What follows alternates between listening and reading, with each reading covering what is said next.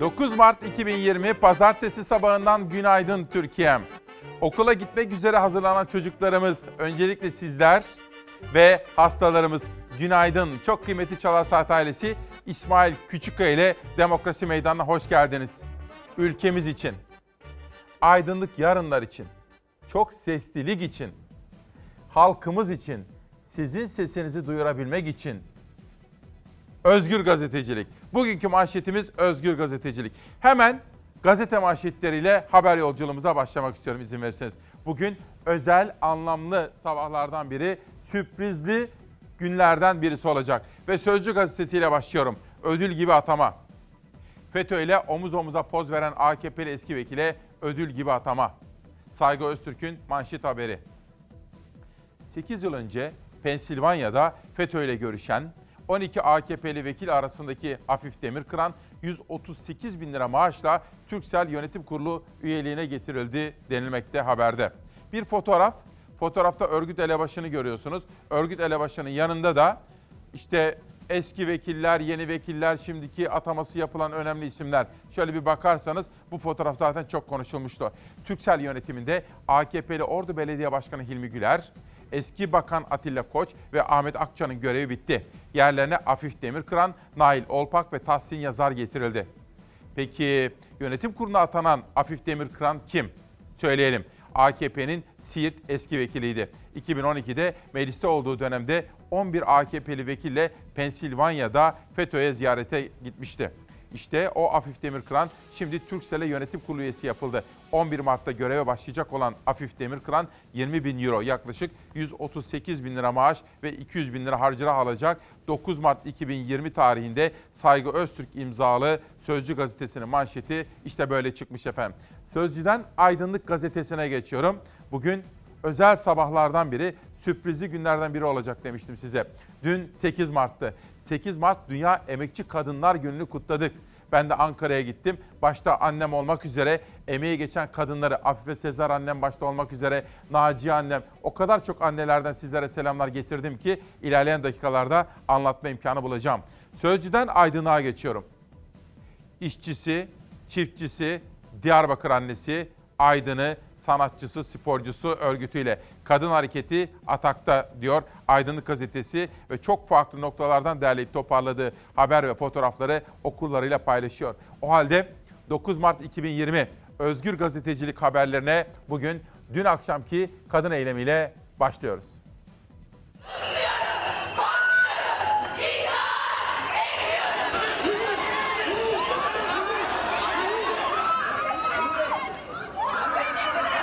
Valiliğin yasak kararına rağmen toplandılar. 8 Mart yasaklanamaz diyen kadınlar akşam saatlerinde Taksim Meydanı'na doğru yürüyüşe geçti. Ancak meydana çıkan tüm yollarda ve İstiklal Caddesi'nin neredeyse tüm ara sokaklarında polis barikatları vardı. Polis kadınlara biber gazıyla müdahale etti. 34 kadın gözaltına alındı. 8 Mart Dünya Emekçi Kadınlar Günü'nde gözler Taksim'de ama Taksim işte bu halde meydanın çevresi polisin bariyerleriyle çevrili ve İstanbul Valiliği'nin aldığı kararla metro seferleri durduruldu. Yani Taksim'e metro ile çıkmak yasak. Finiküler de çalışmıyor. Öğle saatlerinden itibaren Taksim Meydanı'na çıkan neredeyse tüm toplu ulaşım alternatifleri durduruldu. Feminist gece yürüyüşü öncesi güvenlik önlemleri en üst seviyeye çıkarıldı. 2003 yılından itibaren her sene 8 Mart Dünya Emekçi Kadınlar Günü'nde İstanbul Taksim Meydanı ve İstiklal Caddesi'nde yapılmak istenen yürüyüşe valilik yine izin vermedi. Kadınlarsa tüm yasaklamalara rağmen her yoldan Taksim'e yürüdü. Sıra Selviler Caddesi'nden meydana yürümek isteyen gruba polis gaz mermisiyle müdahalede bulundu.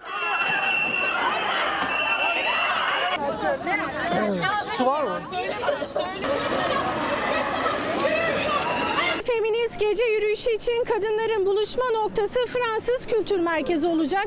Kadınlar Kültür Merkezi'nin önünde buluşup İstiklal Caddesi'nden yürüyüşe geçecek. Saat 19'da İstiklal Caddesi'nin girişindeki Fransız Kültür Merkezi önünde buluşmak için sözleşmişlerdi. Ancak polis kadınları o noktaya yaklaştırmadı bile.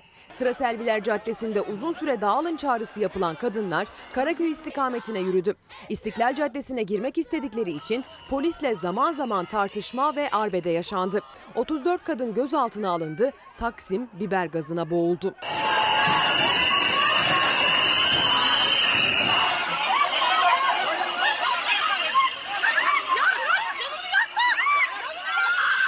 Kadınlar başta kadına yönelik şiddet ve kadınların uğradığı hak ihlallerini protesto etmek için düzenlemişti yürüyüşü. Her sene olduğu gibi şiddete karşı yürüyen kadınlar kendilerini şiddetin ortasında buldu. 8 Mart'ta ben de Ankara'da 3 ayrı etkinlikte konuştum. Türk Kadın Lobisi Derneği ile de buluştum. Üniversiteli kadınlarla konuştum. Pınar Ayhan'ın Hollanda Büyükelçiliği'nin desteklediği bir etkinlikte de konuştuk. Her biriyle ilgili haberleri bugüne yetişmeyebilir. Çünkü bugün misafirim olacak, konuğum var efendim. Ama bugün bir parça, yarın detaylı olarak 8 Mart'a ilişkin haberleri aktaracağız. Münevver Hanım diyor ki, İsmail Bey günaydın. Özgürlük dolu günlere artık hayata uyanmak istiyoruz. Adli mahkum kapsamlı eşit yasa diyor efendim. Bu arada 8 Mart'a ilişkin haberleri aktaracağım ama hemen peşine ekonomiye dair manşetleri de sunacağım. Fakat dün müthiş bir maç vardı. Sivas Spor kendi sahasında Galatasaray'la karşılaşmıştı. Sivas bu sezonun flash takımlarından biri. Rıza Çalınbay çok üst düzey bir başarı sergiledi. Fatih Terim ve Galatasaray 8 maçtır adeta uçuşa geçmişti. Acaba ne olacaktı? Ligin zirvesini etkileyen bu maçta kıran kırana bol gol vardı. Tartışmalı pozisyonlar da vardı. Tabi Trabzonspor maçında da tartışmalı pozisyonlar vardı. Trabzon'da 2 puanı bıraktı. O ve Sivas Galatasaray maçı ile ilgili tartışmalı programları, tartışmalı pozisyonları ilerleyen dakikalarda konuşacağız. Ama ligin bundan sonrası için muazzam bir heyecan bizi beklemekte.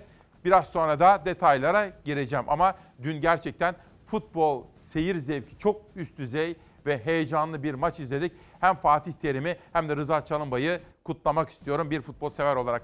Özgür gazetecilik dedim bugün. Sözcü ve aydınlıkla başladım. Geçelim Sabah gazetesine.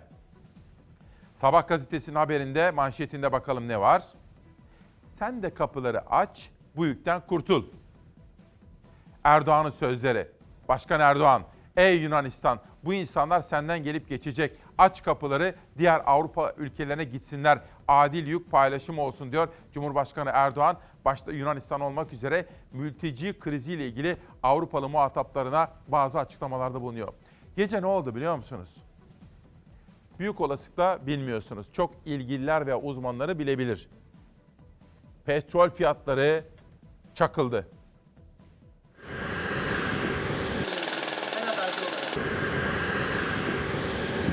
Petrol üreticisi ülkeler anlaşamadı. Ham petrolün varil fiyatı %25 düştü. Petrolün düşüşü dolar, euro ve altını yükseltti. Dolar 6 lira 20 kuruşa, euro 7 lira 9 kuruşa çıktı. Çin'de ortaya çıkan ve dünyaya yayılan yeni tip koronavirüs ekonomiyi vurmaya başladı. Ülkeler ard arda sınırlarını kapattı. Turizm merkezi kentlerde sokaklar boş kaldı. Küresel ticaret virüs sebebiyle aksamaya başladı. Koronavirüs ham petrol talebini olumsuz etkiledi. Talep düştü. Üretim aynı kalınca arz fazlası oluştu. Avusturya'da OPEC ülkeleri yani petrol üreticisi ülkeler bir araya geldi. 7 saat süren toplantıda üretim kesintisi kararında uzlaşılamadı ve o andan itibaren petrol fiyatları düşüşe geçti. Brent türü ham petrolün varil fiyatı %25 düştü. Rekor düşüşle 31 dolara geriledi ve bu fiyat 22 Şubat 2016'dan bu yana en düşük seviye olarak tarihe geçti. Petrol fiyatlarında ani sert düşüş küresel piyasaları sarstı. Altın yükselişe geçti. Altının ons fiyatı %1,5 artarak 1698 dolara yükseldi. Dolar ve Euro'da petrol fiyatlarındaki belirsizliğin ardından Türk lirası karşısında değer kazanmaya başladı. Lira dolar karşısında %1,5'tan fazla, Euro karşısında %2,5'tan fazla değer kaybetti. Dolar gece saatlerinde Asya piyasalarının açılmasının etkisiyle 6 lira 20 kuruşu gördü. Euro da 7 lira 20 kuruş seviyesine kadar çıktı.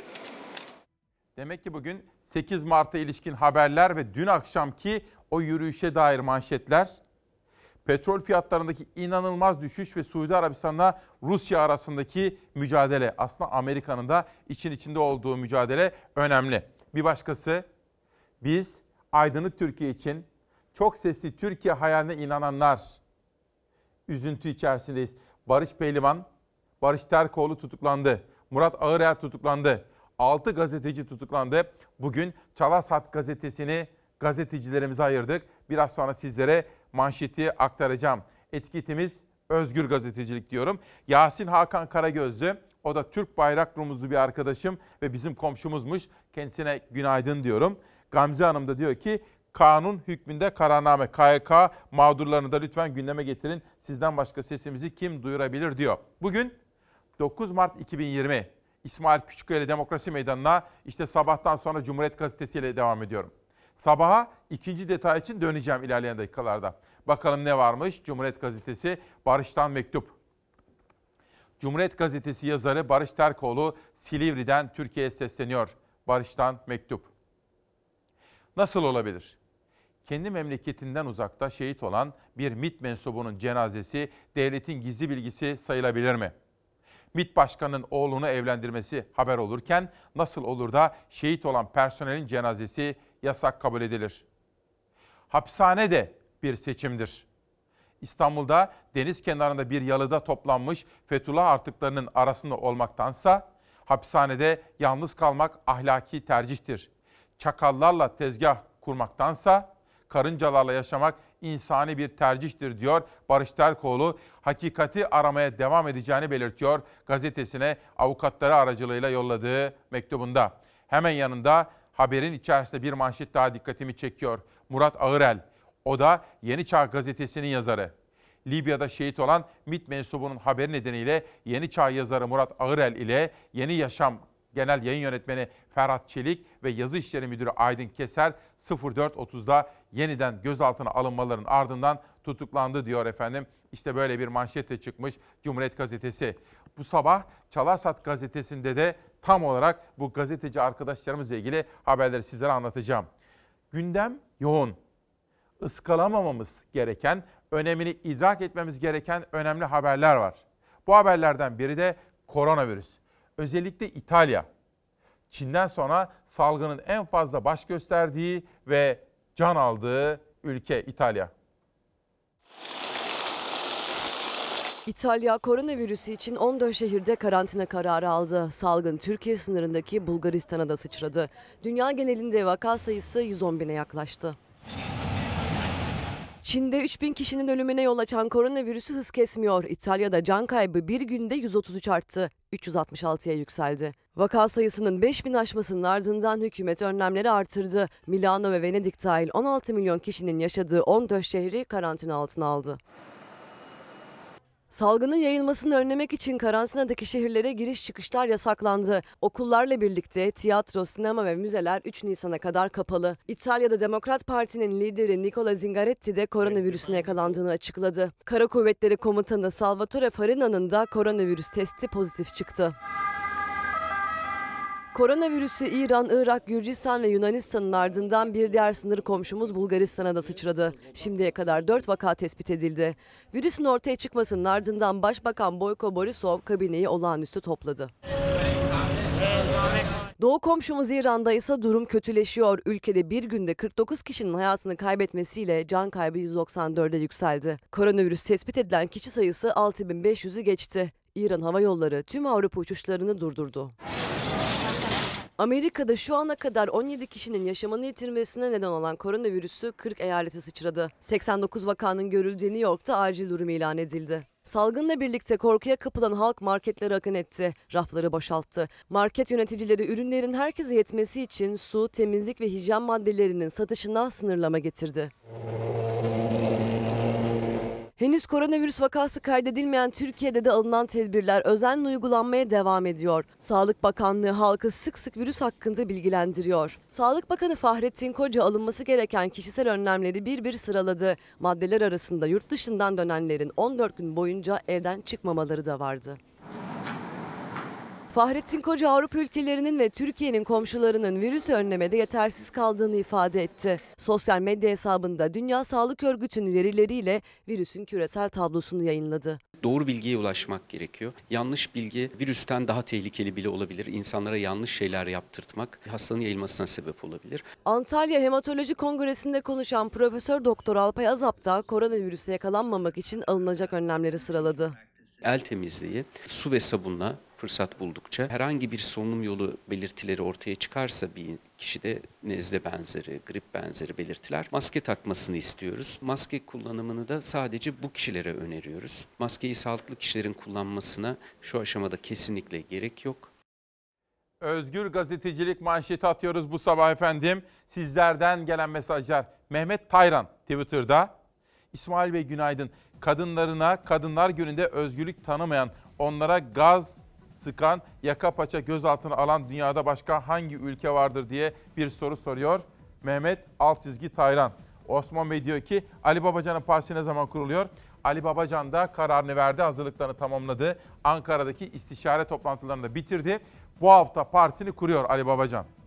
Adı belli oldu, şekli şemali belli oldu. Bu hafta itibariyle Ali Babacan partisini kuruyor efendim. Cumhuriyet'ten bir haber daha sonra Hürriyet'e geçelim. Cumhuriyet Gazetesi'nde haftanın röportajlarıyla gündem olan İpek Özbey bir manşet atmış. Bakalım kiminle konuşmuş. Gelişmeleri iki ay önce gören Ahmet Yavuz, İdlib'deki ateşkes sürecini değerlendirdi. HTŞ kucağımızda. İpek Özbey röportajında eski paşalardan Ahmet Yavuz. Çok okuyan, soran, sorgulayan bir isimdir Ahmet Yavuz. Bakalım neler söylemiş İpek Özbey'e.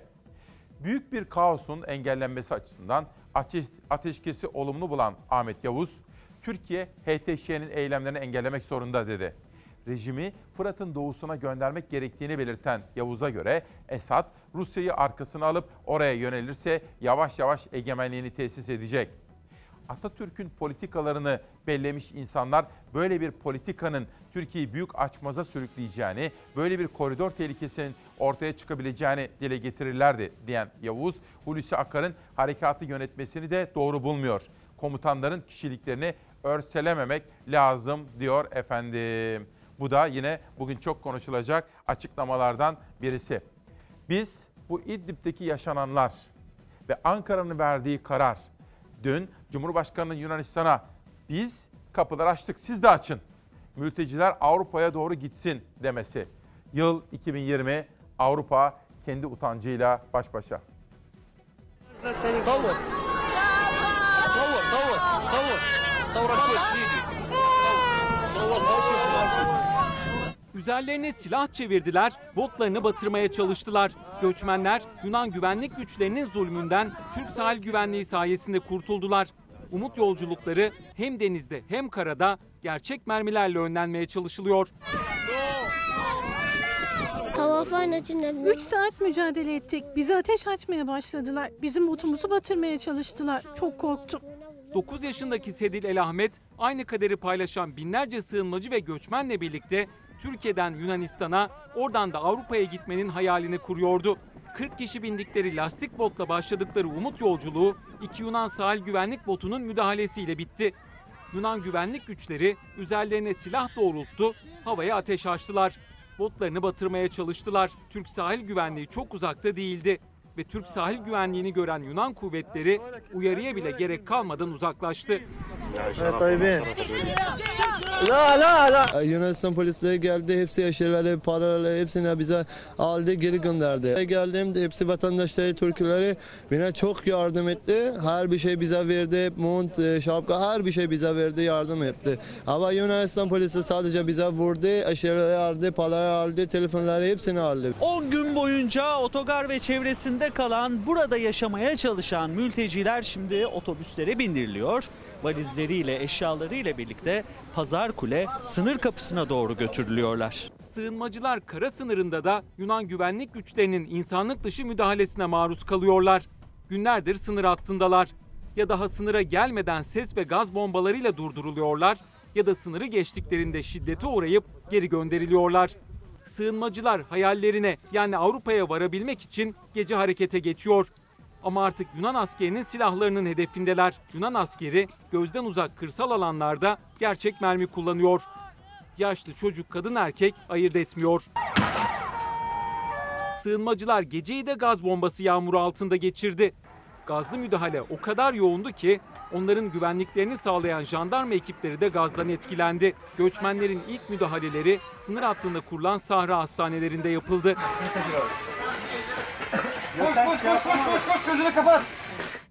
Demek ki bu sabah özgür gazetecilik, Barış Terkoğlu, Barış Pehlivan, Ağırel ve bütün gazeteci arkadaşlarımızla ilgili bir manşet atıyoruz. 8 Mart'a ilişkin detaylar var. Dün akşam feminist yürüyüşteki meydana gelen İstanbul ve Ankara başta olmak üzere o gelişmeleri aktarıyorum. Petrol fiyatları çakıldı.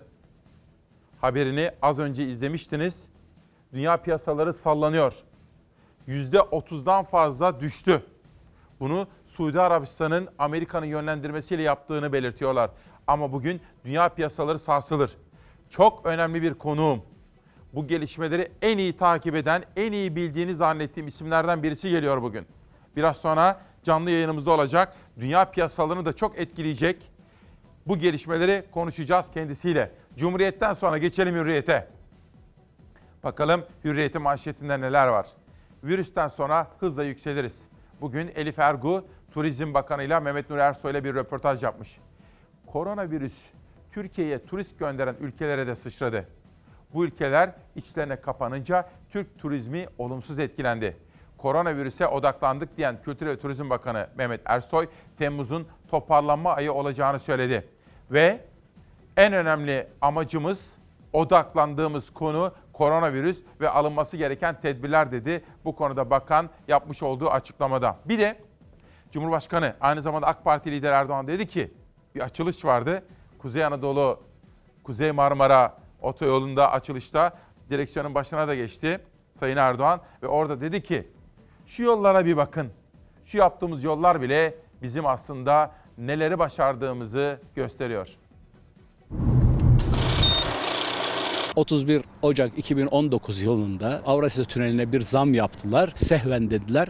Vatandaşı yediler. Avrasya Tüneli'nde geçen yıl sehven yapıldı denilerek geri alınan zam hazine garantili araçlar için uygulandı. Müteahhit firmaya 67 milyon lira fazladan ödeme yapıldı. Bu iddianın sahibi CHP Kocaeli Milletvekili Haydar Akar. Geçmeyen 7 milyon 611 bin araç için ödemesi gereken rakam 177 milyon TL idi.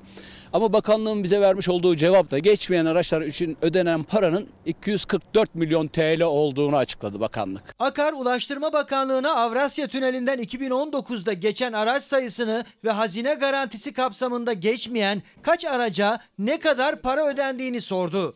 Ortaya çıkan rakamlar şaşırttı. Çünkü ödenmesi gereken rakamla ödenen para arasında 67 milyon liralık bir fark dikkati çekiyordu. Bir gariplik vardı bu işte. O sehven dedikleri zammı garanti edilen araçlar için yansıtmışlar. Oradan aracıyla geçen 23-30 ödüyor. Biz geçmeyenlerde ne ödemişiz? 32 lira 30 kuruş ödemişiz araç başına. Yani 2019 yılında Avrasya Tüneli'ni kullananlar sehven denilip geri çekilen fiyattan 23 lira 30 kuruştan geçiş yaparken hazine garantisi nedeniyle tünelden geçmeyen 7 milyon 611 bin araç için zamlı tarife üzerinden 32 lira 30 kuruştan ödeme yapıldı. 2019 yılında geçmeyen araç sayısı. 7 milyon 611 bin. Ücretimiz ne? 23 lira 30 kuruş. Çarptığınız zaman 177 milyon TL yapıyor. Sehven yapılan zamdan çarptığınız zaman da 244 milyon TL yapıyor. Yani bakanlık aslında e, o sehven yaptın dediği ve geri çektiği zammı geçmeyen araçlar için yansıtmış. CHP'li vekil iktidara seslendi. Avrasya Tüneli'nden geçmeyen araçlar için uygulanmaya devam eden zamlı tarifeyi ve bu yüzden müteahhit firmaya ödenen fazladan 67 milyon liralık farkı açıklamaya davet etti. Hazineden 67 milyon TL daha bir fazla ödeme yapmış. 67 milyon farkı bakan, Ulaştırma Bakanı, Cumhurbaşkanı kimse sorumlusu bu millete açıklamak zorunda. Ne maçı o? Rize'nin maçı efendim. Rize. Kaç kaç? 1-1 efendim. Yok ya. Uzatmalar oynanıyor. He? Uz- uzatma dakikalar oynanıyor. Yok ya. De. Cumhurbaşkanı Erdoğan Kuzey Marmara otoyolunda açılış yaptı ardından direksiyon başına geçti. İlk test sürüşünü gerçekleştirdi. O anlarda Rize Spor Alanya Spor maçını takip etmeyi de ihmal etmedi. Son anlar artık mücadelede. Kol kırk, uzun top. Cumhurbaşkanı Recep Tayyip Erdoğan dün Kuzey Marmara Otoyolu'nun Kınalı Oda Yeri kesiminin açılış törenine katıldı. Konuşmasının ardından hizmete giren otoyolda ilk test sürüşünü de bizzat kendisi yaptı. Birer puanla ayrılıyorlar sahadan. Geçin, geçebilirsiniz. Çaykur Rizespor puanını 25 Direksiyon başına geçti Cumhurbaşkanı. Ona eşlik edenler o anlarda oynanan Rize Spor Alanya Spor maç yayınını açtı. Rizeli olan Erdoğan bir yandan vatandaşları selamladı, diğer yandan da maçın son dakikalarını takip etti. 90 artı 7. dakika. 90 artı. İyiydi. Oo, bayağı uzatma. O anları İletişim Başkanı Fahrettin Altun sosyal medya hesabından paylaştı. Rize Spor Alanya Spor maçında ise iki takım berabere kalarak birer puan aldı. Ali Şahsalan son düdüğü çalıyor değerli izleyiciler. Beraberlik çıkıyor Rize'den. Tabii bu sene ligde öyle bir heyecanlı ki kimin şampiyon olacağını kestirmek mümkün değil. Zirvede çoklu bir yarış söz konusu. Leyla Aldemir Kars'tan Türkiye'mize esenliklerini yollarken Süleyman Özen bir soru soruyor. İsmail abi, bin özel harekat polisi görevlendirilmişti Yunanistan sınırı için. Giden mülteciler geri gönderilmesin diye. Ne oldu acaba diye soruyor. Polisleri geri mi çektik diye bir soruyu gündeme getiriyor. 9 Mart 2020 Özgür gazetecilik dediğimiz bu özel sabahta hürriyetten bir güne geçiyorum. Bir gün gazetesinin manşetinde meclis sussun torba dolsun. Başkanlık sistemine geçişle başlayan 27. yasama döneminde Cumhuriyet tarihinin torba yasa rekoru kırıldı. 24 torba yasa ile onlarca kanunda tam 278 değişiklik yapıldı diyor. Yasamanın gücü azaltıldı diyen Hüseyin Çimşek imzalı Bir Gün Gazetesi haberinde ve bütün bu gelişmelerin de aslında parlamentonun etkinliğini de azalttığının işaretini veriyor gazete. Bugün çevre haberleriyle ilgili manşetleri de sizler için hazırlayıp toparladık. Naim Özdamar'ın böyle bir kitabı geldi. Jeotermal enerji, çevre ve tarım. Ve sıradaki haberimiz Salda Gölü yani Türkiye'nin Maldivlerine ilişkin. Direne, direne kazanacağız. Salda Gölü ve çevresine yapılacak millet bahçesi ve bölgesi, bölgenin yapılaşmaya açılması geri dönüşümü olmayan tahribat yaratır. Yürütmenin durdurulması talebiyle açılan dava reddedildi. Salda Gölü'ne millet bahçesi yapılmasının önü açıldı. Birinci derecede doğal sit alanına çivi bile çakılamayacağını bilenler Salda'yı ranta açmak için millet bahçesi adı altında bir kandırmacayla önümüzde bugün bu ihaleyi getirdiler. Türkiye'nin Maldivleri olarak anılan Burdur'daki Salda Gölü çevresinde planlanan proje için muhalefetten ve çevrecilerden itiraz sesleri yükselmişti. Proje kapsamında kafe, büfe, otopark alanları, giyinme soyunma kabinleri, satış üniteleri, can kurtaran yapıları ve mescit yapılması planlanıyor. Bu yapılar için kullanılacak malzemelerin ise çevreye duyarlı malzemeler olacağının altı çiziliyor. Yaklaşık 1000 metrekarelik halk plajı kıyısında planlanan Millet Bahçesi projesine itiraz edenler Salda Gölü kıyısında defalarca eylem yaptı. Yapılaşma nedeniyle göldeki doğal yaşamın zarar göreceğini dile getirdiler. Masmavi suyu ve bembeyaz kumsalıyla her yıl yüz binlerce kişinin akınına uğruyor salda. Bölgeye yapılacak millet bahçesi mahkemeye taşınmıştı. İhalenin iptali ve yürütmenin durdurulması talebiyle açılan dava reddedildi. Kararda Cumhurbaşkanlığı kararıyla Salda Gölü ve çevresinin özel çevre koruma alanı olarak ilan edildiği bilgisine yer verildi. Projenin ihale sürecindeki şeffaflık vurgulandı. TOKİ'nin sahip olduğu muafiyet hükümleri gereği plan kesinleşmeden ÇED raporu alınmadan da ihale yapılabileceği söylendi. Mevzuata aykırı bir durum görülmediği gerekçesiyle dava reddedildi. Davacıların avukatı ise kararı temiz edeceklerini duyurdu. Kararı kabul edilemez bir hukuk ayıbı olarak nitelediler. Kararın Salda Gölü çevresinde ekolojik katliama yol açacak kadar vahim olduğunu vurguladılar. Tabii çevre haberlerimiz de var. Haberini verdik. Petrol fiyatları çakıldı. Piyasalar çok fena sallanacak. Dolayısıyla bir arkadaşım bütün odaklanmasını buna çevirdi. Biraz sonra bu konuları en iyi bilen isimlerden birisi geliyor. Onunla da konuşacağız. Dünya piyasalarında neler olup bittiğine hep beraber bakacağız. Ve Abdullah Bey de soruyor Ankara'daki verimli günlerimizden bahsediyor. Sağ olsun Dilek Köktaş. Peki kadınların önü kesiliyor diyor efendim. Ankara'ya gitmişken tabii 3 ayrı etkinlikte 8 Mart etkinliğinde konuştuk. Onlardan bugün zamanım kalmazsa yarına bahsedeceğim ama bunun dışında çok kıymetli şairimiz, hocamız Hilmi Yavuz hocamızla, hocamız Erdal Arıkan'la, Ali ve Nihal Kemaloğlu'yla, iki de devletimizden geldiler yetkililer, temsil daha doğrusu bizim sevip saydığımız, iyi tanıdığımız isimler de geldi. Sizlere çokça selamları var efendim onları da söylemiş olalım. Sevgili İsmail Küçükkaya, kadın erkek eşitliğine olan duyarlılığınızdan dolayı diyor ve Aslı Acar ve Gamze Keklik onlara da içtenlikle teşekkür ediyorum efendim. Amacımız şu. Parlamentonun yarısı kadın olmalı. Bakanlar Kurulu'nun yarısı kadın olmalı. Hayatın her alanında, bütün kamusal alanlarda kadın erkek eşit temsile ulaşmalıyız. Sorunların çözümü burada. Trabzon, tarihi süreçte Trabzon Kadının Giyinişi albümü ve bakın böyle bir Trabzon Vakfı Kadın Platformu Yüksel Aksu'nun kitabı. Hop içindeki mektup da düştü. Onu biraz sonra. Bakın bu arada Karadeniz'i, Trabzon'u sevgiyle, saygıyla selamlayalım efendim. Bu çok değerli çalışmada bize gelmiş.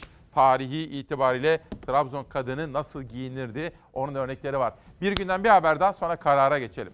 Bir gazeteci daha haberden tutuklama. Oda TV çalışanları Barış Terkoğlu, Barış Pehlivan ve Hülya Kılınç'ın tutuklanmasının ardından gazeteci Murat Ağırel de Libya'da bir MİT mensubunun hayatını kaybetmesi haberiyle ilişkili olarak tutuklandı. Yeni Çağ gazetesi yazarı Murat Ağırel, iki gün önce aynı dosyadan adli kontrol şartıyla serbest bırakılmıştı.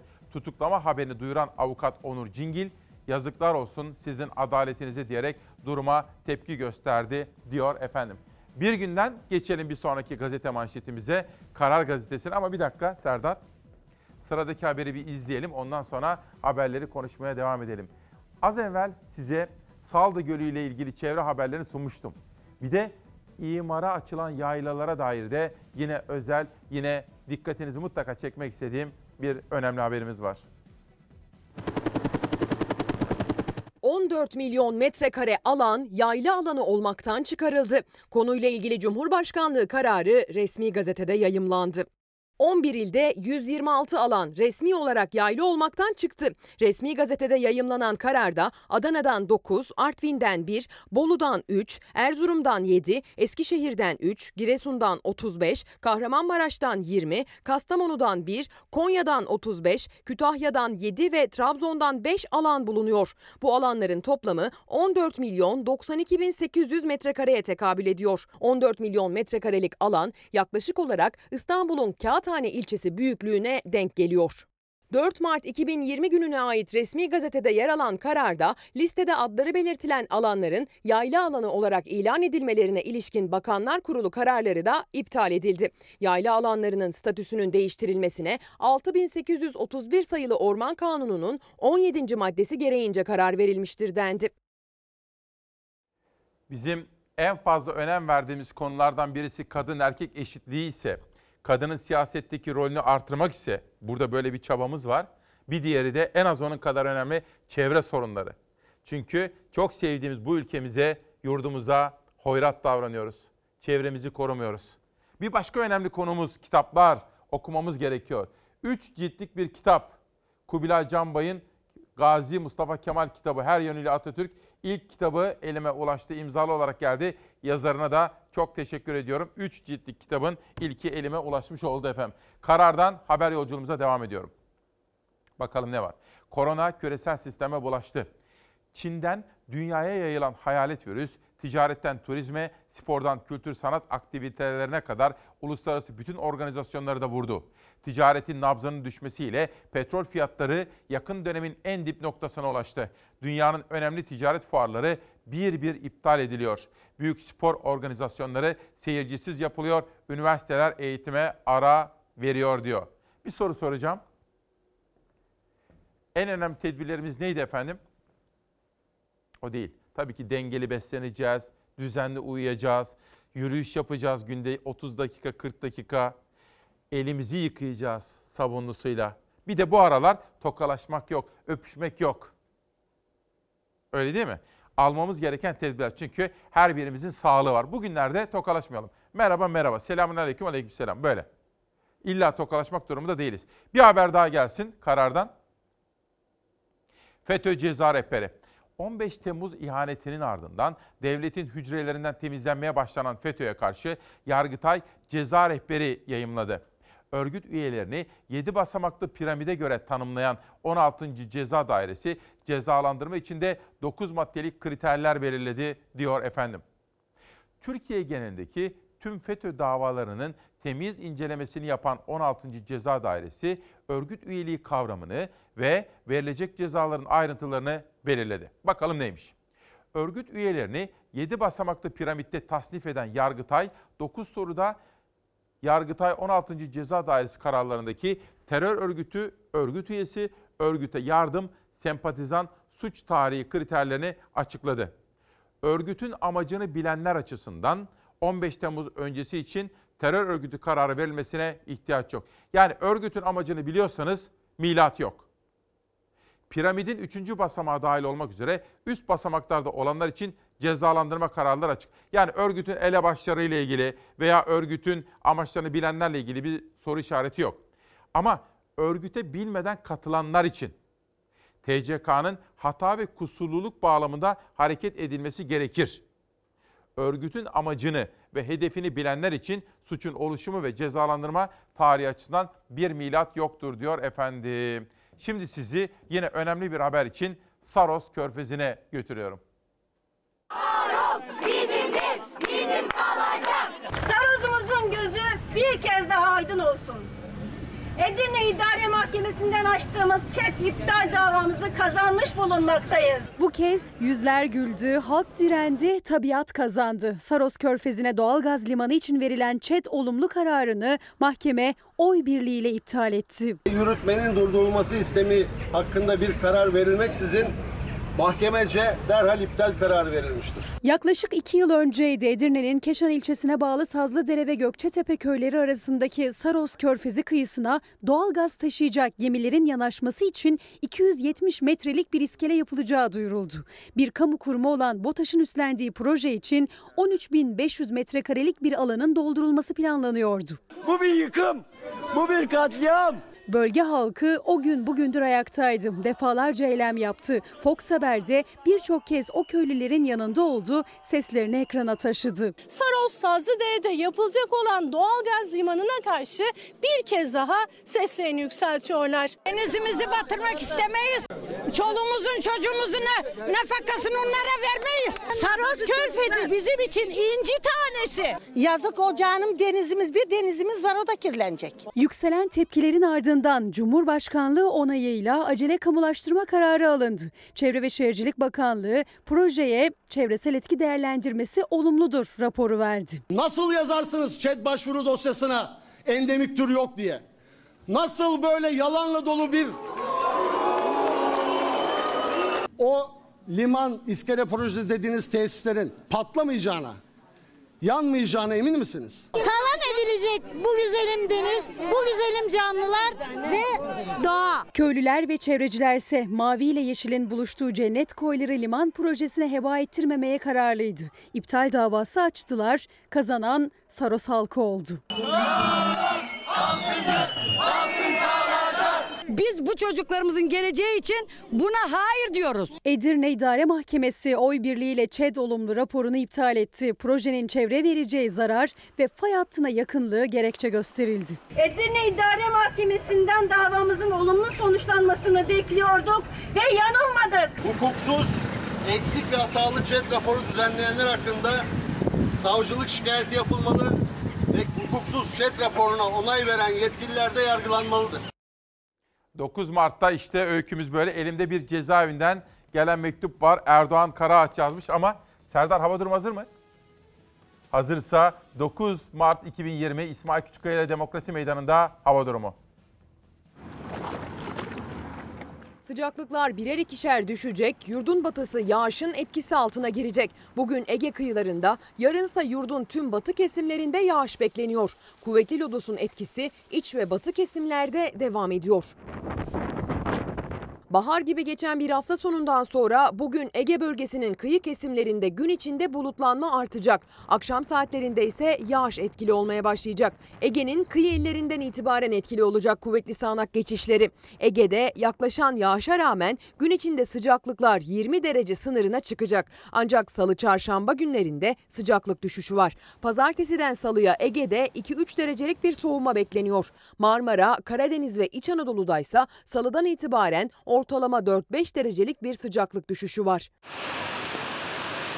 Salı günü Marmara bölgesinde de yağış geçişleri bekleniyor. Ege'de yağışlar hafifleyecek salı günü. İç Anadolu bölgesinde de yağış ihtimali var. Ancak İç Anadolu'daki yağmurlar kısa süreli ve hafif. Yağış aralıklarında güneşte görülebilir. Salı günü kuvvetli lodos iç kesimlerde etkisini göstermeye devam edecek. Çarşamba günü ise yurt genelinde yağış ihtimali neredeyse sıfır. Gökyüzünde güneş görülecek. Perşembe cuma günlerinde yeni bir yağışlı havanın etkisi altına girecek Türkiye.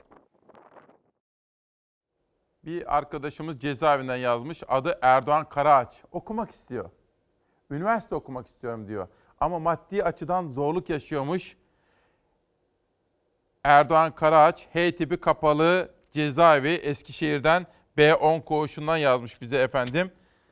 Ben de bunu editörüme bir ileteyim bakalım. Karardan geçelim Pencere gazetesine. Bu arada işte Ali Babacan ilişki manşetler geliyor. Partinin adı DEVA. Ali Babacan sonunda partisini kuruyor. Daha önce birkaç kez kuruluşunu ertelediği parti için hazırlıkları tamamlayan Ali Babacan, İçişleri Bakanlığı'na dilekçeyi bu hafta veriyor. Evet, karar verildi, partinin adı belli oldu ve bu hafta parti kuruluyor.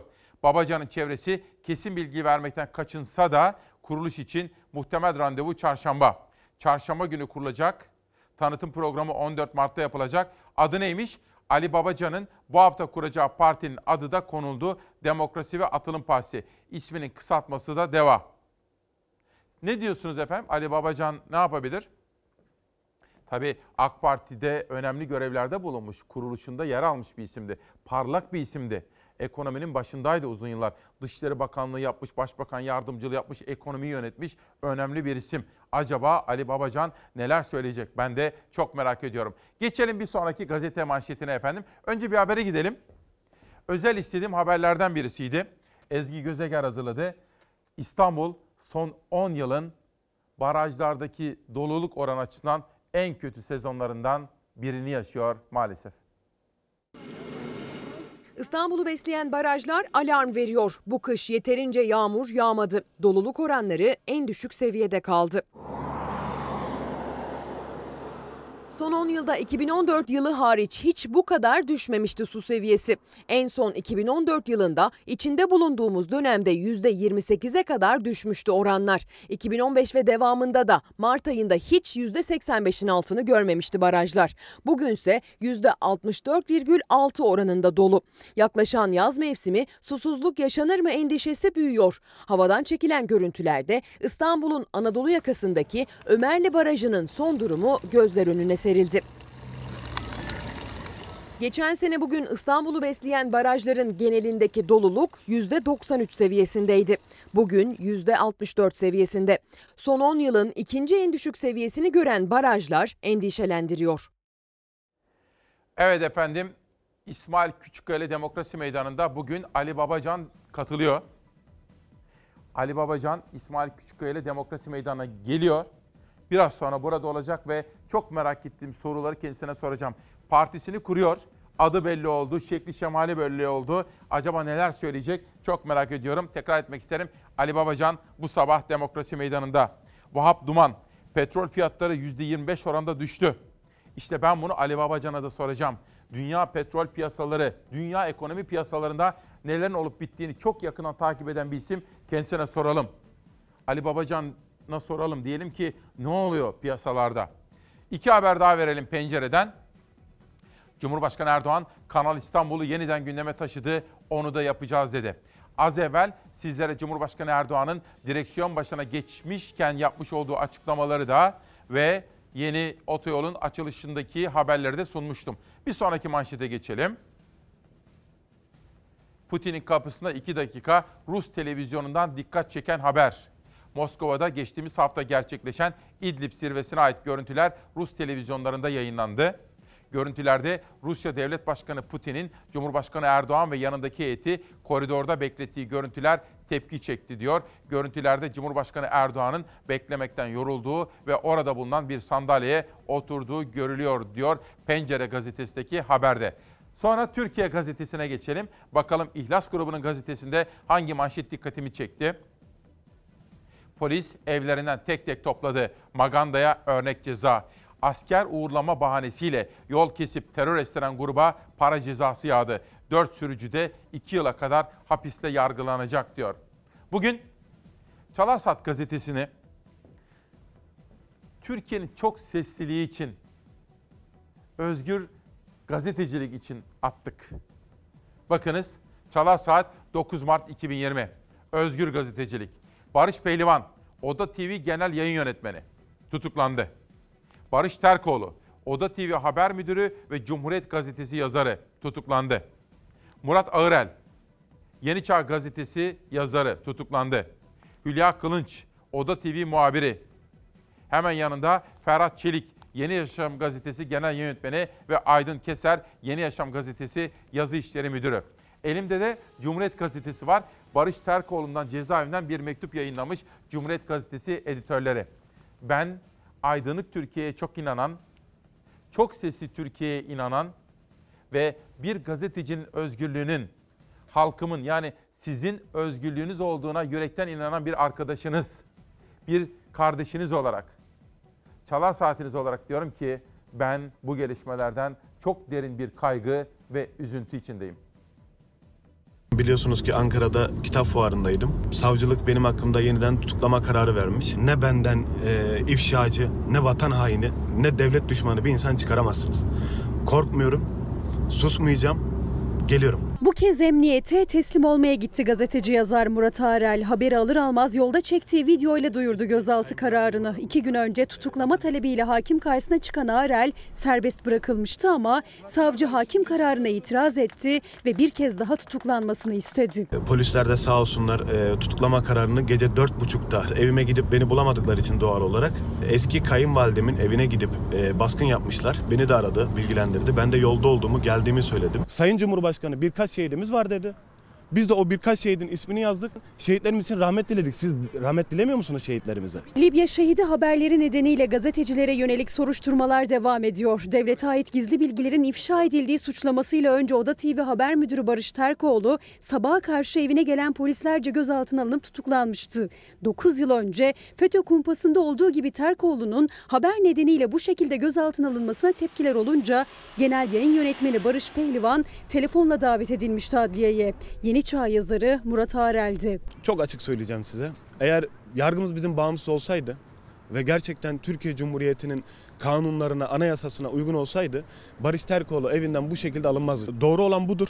Ee, çağırdıkları zaman nerede olursa olsun biz gelir ifademizi veririz. Cuma günü saat 15.30'da savcıya ifade vermeye başlayan Arel suçlamaları reddetmişti. Bu yapıların bütün ağlarını e, deşifre ettim. Bir operasyon yapılacağını biliyordum. Ee, nasıl olacağını inanın tahmin edemiyordum. Bu dava sadece algı yaratma davası. Sadece suç olunca bizim için suç mu? Savcının tutuklama talebiyle mahkemeye sevk ettiği Arel'i hakim adli kontrol şartıyla serbest bıraktı. Çıkar çıkmaz Ankara'da imza gününe gideceğini açıklayan Arel için bu kez tutuklanması istemiyle yakalama kararı çıkartıldı. Arel haberi yolda aldı. Üç defa dört defa beni aradılar. Ne zaman geleceksin? Memurla da görüştüm. Neden dört buçukta bu şekilde e, baskın yapıyorsunuz? Zaten çağırsanız gelirim dedim ve şimdi de yoldayım geliyorum dedim. E, şu anda da Vatan Caddesi'ne gidiyorum yani teslim olmaya. E, muhtemelen de tutuklayacaklar beni. Çünkü artık her şeyi bekliyorum. İki gün içinde iki kez hakim karşısına çıkan gazeteci Arel tutuklandı. Biz sadece gazetecilik yaptık. Gazetecilik asla suç değildir. Evet, hep şuna inandım. Ben özgürce konuşabilirsem bu sizin özgürlüğünüz anlamına gelir. Bakın, ben Ankara'daydım. Üç ayrı Kadınlar Günü etkinliğinde konuşma yaptım. Birinde işte Hollanda Büyükelçiliği destekliyor, Pınar Ayhan vardı. Birinde Türk Kadın Lobisi Derneği Başkanı. Bir sürü toplantılara katıldım. Bir büyükelçi, aslında üç büyükelçiyle karşılaştım iki ayrı yerde ama birisi şunu söyledi. Neden üzüntülüsünüz dedi. Şu dakikalarda Murat Ağırel'de tutuklanmak üzere görüyorum dedim. Çünkü çağırdılar ikinci kere. Çok üzüldü Büyükelçi. Ne dedi biliyor musunuz? Bakın bunu lütfen özellikle devletimizi Yönetenler dikkate takip etsinler. Bir büyükelçi dedi ki bana, halen görevde.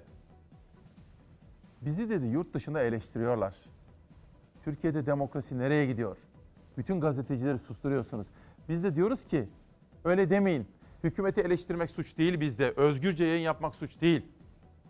Örnek verdiğimiz gazeteciler var, kurumlar var. Onlar daha çok FETÖ'cüleri tut söylüyorlardı. Biz de diyorduk ki onlar FETÖ'cüler. Özgürce yayın yapan FETÖ'cü olmayan gazeteciler görevine devam ediyor diyorduk. Fakat bu gelişmelerden sonra ben ülkemi nasıl savunacağım? Bakın bunu bir büyükelçi söyledi bana. İşte aslında devletimizi yönetenler bunları düşünmeliler efendim. Cumhuriyet Gazetesi'nin bugünkü nüshası, bu arada tekrar etmek isterim. Ali Babacan partisini bu hafta kuruyor. Şu anda geldi Fox'ta. Biraz sonra İsmail Küçükkaya ile Demokrasi Meydanı'na davet ediyorum kendisini efendim. Barış'tan mektup. Yazarımız Barış Terkoğlu Silivri'den Türkiye'ye sesleniyor diyor. Hemen yanında Yeni Çağ Gazetesi yazarı Murat Ağırel'in de tutukluluğuna ilişkin bir haber. Şöyle bir çeviriyorum. Bakın geçmişte Mustafa Balbay da avukatı aracılığıyla yazardı cezaevinden. O da 5 yıl mı 6 yıl mı yattı? Bakın Soner Yalçın o kadar yattı. Mustafa Balbay yattı. Tunca Özkan yattı. Bakın burada Kırmızı Pazartesi, Serkan Günel.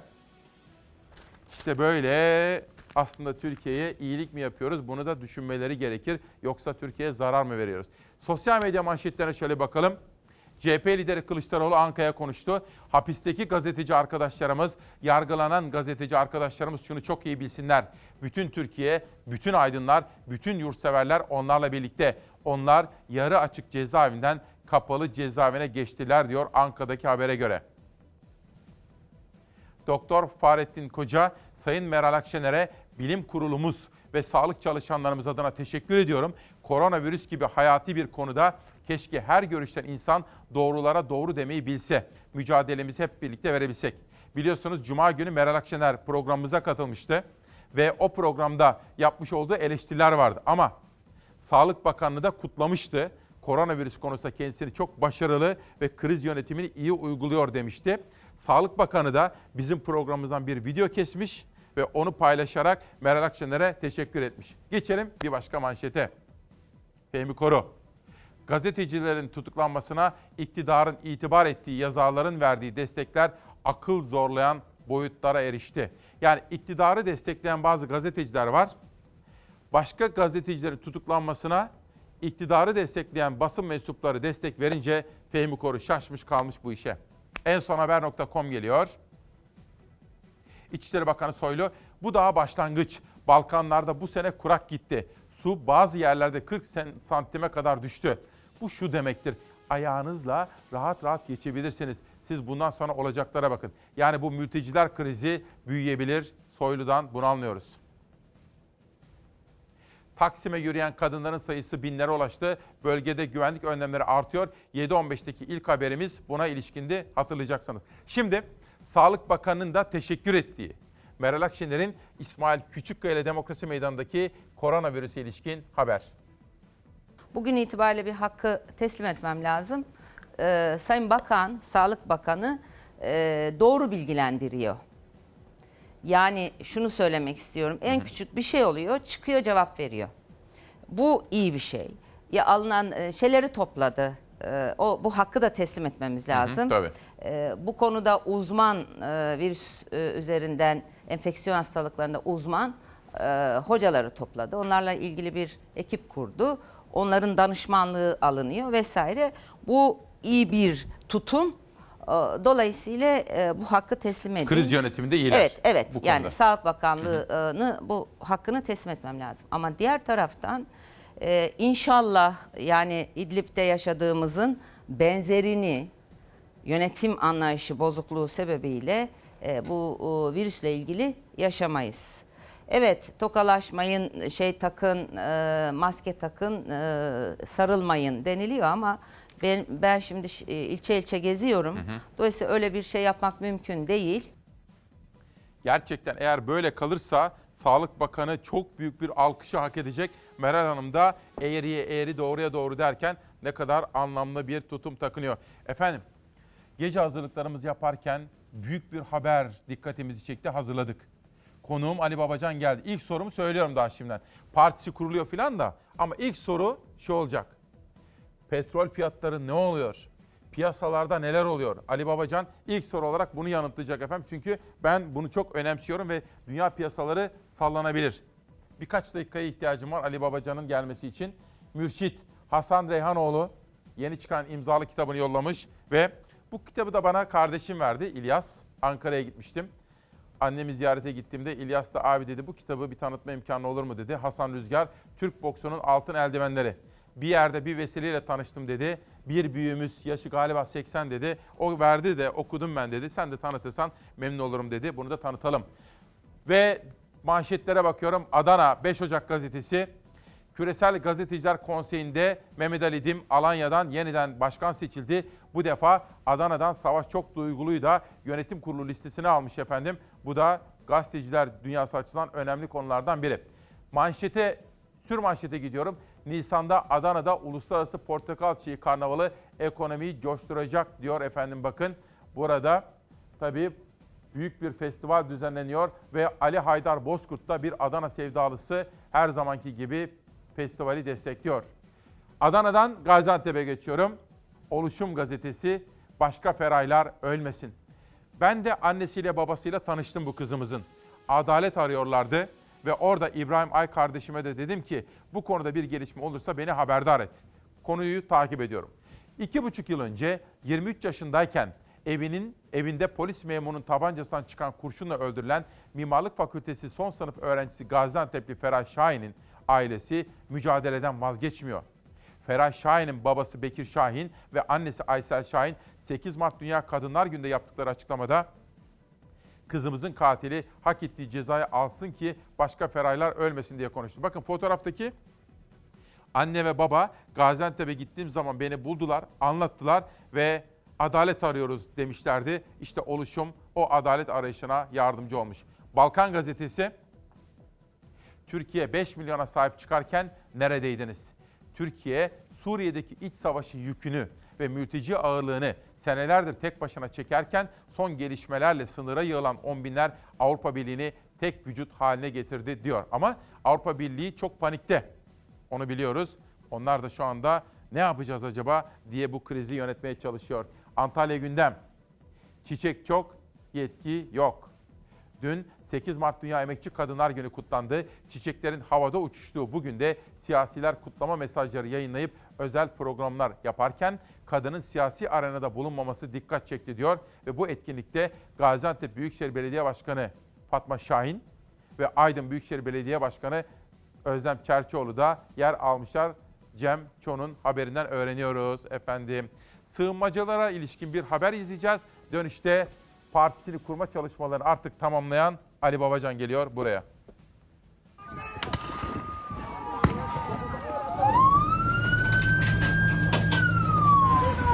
Gaz bombalarıyla, plastik mermilerle müdahale ediyorlar. Hatta gerçek mermi bile kullanıyorlar.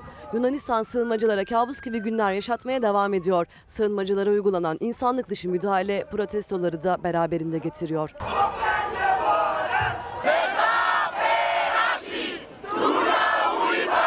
Karada gaz bombaları plastik mermilerle karşılanıyorlar. Denizde botları patlatılıyor. Gerçek mermiyle çevrelerine ateş açılıyor. Dehşetin görüntüleri dünyanın gündemine oturdu. Birçok ülkede sığınmacılara destek için gösteriler düzenlendi. Midilli ve Sakız Adası sakinleri sığınmacıların yaşadığı drama tepki gösterdi. Hem sınırda hem de Midilli sokaklarında yaşanan çatışmaların durması için bir araya geldiler.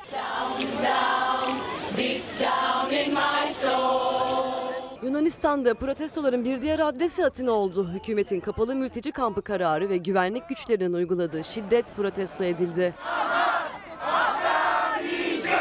Almanya'nın Berlin şehrinde binlerce kişi sığınmacılara destek olmak için toplandı. Avrupa öldürme, sınırlarını aç yazılı pankartlar taşıdılar. Yapılan konuşmalarda Almanya'nın tutumu da eleştirildi. Öldürülen, boğulan sığınmacılar için Almanya'da yer olduğunu biliyoruz vurgusu yapıldı. Avrupa ülkelerinde sığınmacılara destek her geçen gün artıyor. Viyana'da ve Brüksel'de de destek yürüyüşleri düzenlenmeye devam ediyor. Ve efendim 9 Mart 2020. Türkiye'nin bağımsız kanalı Fox'ta İsmail Küçükkaya ile Demokrasi Meydanı'ndasınız.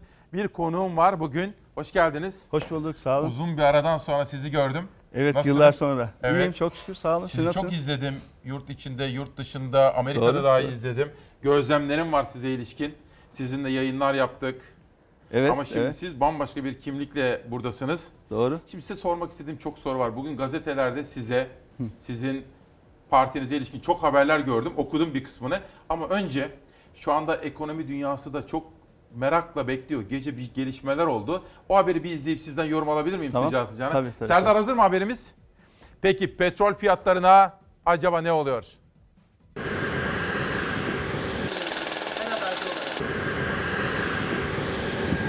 Petrol üreticisi ülkeler anlaşamadı. Ham petrolün varil fiyatı %25 düştü. Petrolün düşüşü dolar ve euroyu yükseltti. Dolar 6 lira 20 kuruşu, euro 7 lira 9 kuruşu gördü. Ardından gevşeme yaşandı. Çin'de ortaya çıkan ve dünyaya yayılan yeni tip koronavirüs ekonomiyi vurmaya başladı. Ülkeler ard arda sınırlarını kapattı. Turizm merkezi kentlerde sokaklar boş kaldı. Küresel ticaret virüs sebebiyle aksamaya başladı. Koronavirüs ham petrol talebini olumsuz etkiledi. Talep düştü. Üretim aynı kalınca arz fazlası oluştu. Avusturya'da OPEC ülkeleri yani petrol üreticisi ülkeler bir araya geldi. 7 saat süren toplantıda üretim kesintisi kararında uzlaşılamadı ve o andan itibaren petrol fiyatları düşüşe geçti. Brent türü ham petrolün varil fiyatı %25 düştü. Rekor düşüşle 31 dolara geriledi ve bu fiyat 22 Şubat 2016'dan bu yana en düşük seviye olarak tarihe geçti. Dolar ve Euro'da petrol fiyatlarındaki belirsizliğin ardından Türk lirası karşısında değer kazanmaya başladı. Dolar gece saatlerinde Asya piyasalarının açılmasının etkisiyle 6 lira 20 kuruşu gördü. Sonrasında gerilemeye başladı. 6 lira 15 kuruş seviyelerine geldi. Euro'da 7 lira 9 kuruş seviyesine kadar çıktı gece saatlerinde. Sabah saatlerinde ise 7 lira 2 kuruş seviyesinde işlem görmeye başladı. Evet, Demokrasi Meydanı'nda Ali Babacan konuğumuz. Şimdi efendim siz en çok, en iyi bildiğiniz konu ekonomi. Ne oluyor, ne oldu ve bundan sonra ne olur? Dünya ekonomisiyle ilgili biliyorsunuz bir süredir çok ciddi bir durgunluk riski var.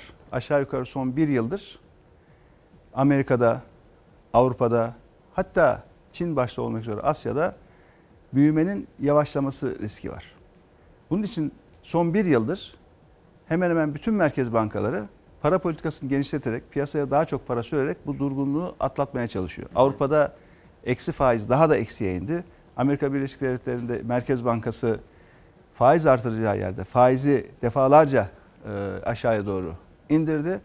Fakat yine de bu durgunluk riski hala duruyor. Bunun üzerine bir de koronavirüsüyle ilgili gelişmeler başlayınca ülkelerin birbirleriyle olan irtibatı ticareti yavaşlama riski var. Ülkelerin kendi içindeki hareketlilik azalıyor. Tedarik zincirleriyle ilgili riskler var. Bütün bunlar dünyadaki talebi, ürün talebini dolayısıyla petrol talebinde azaltıyor, azaltma riski var. Dolayısıyla arz talep dengesinde talep azalıyorsa malın fiyatı düşer. Petrol fiyatı şu anda düşüyor. Fakat bu kadar olur mu? %25-30'lar.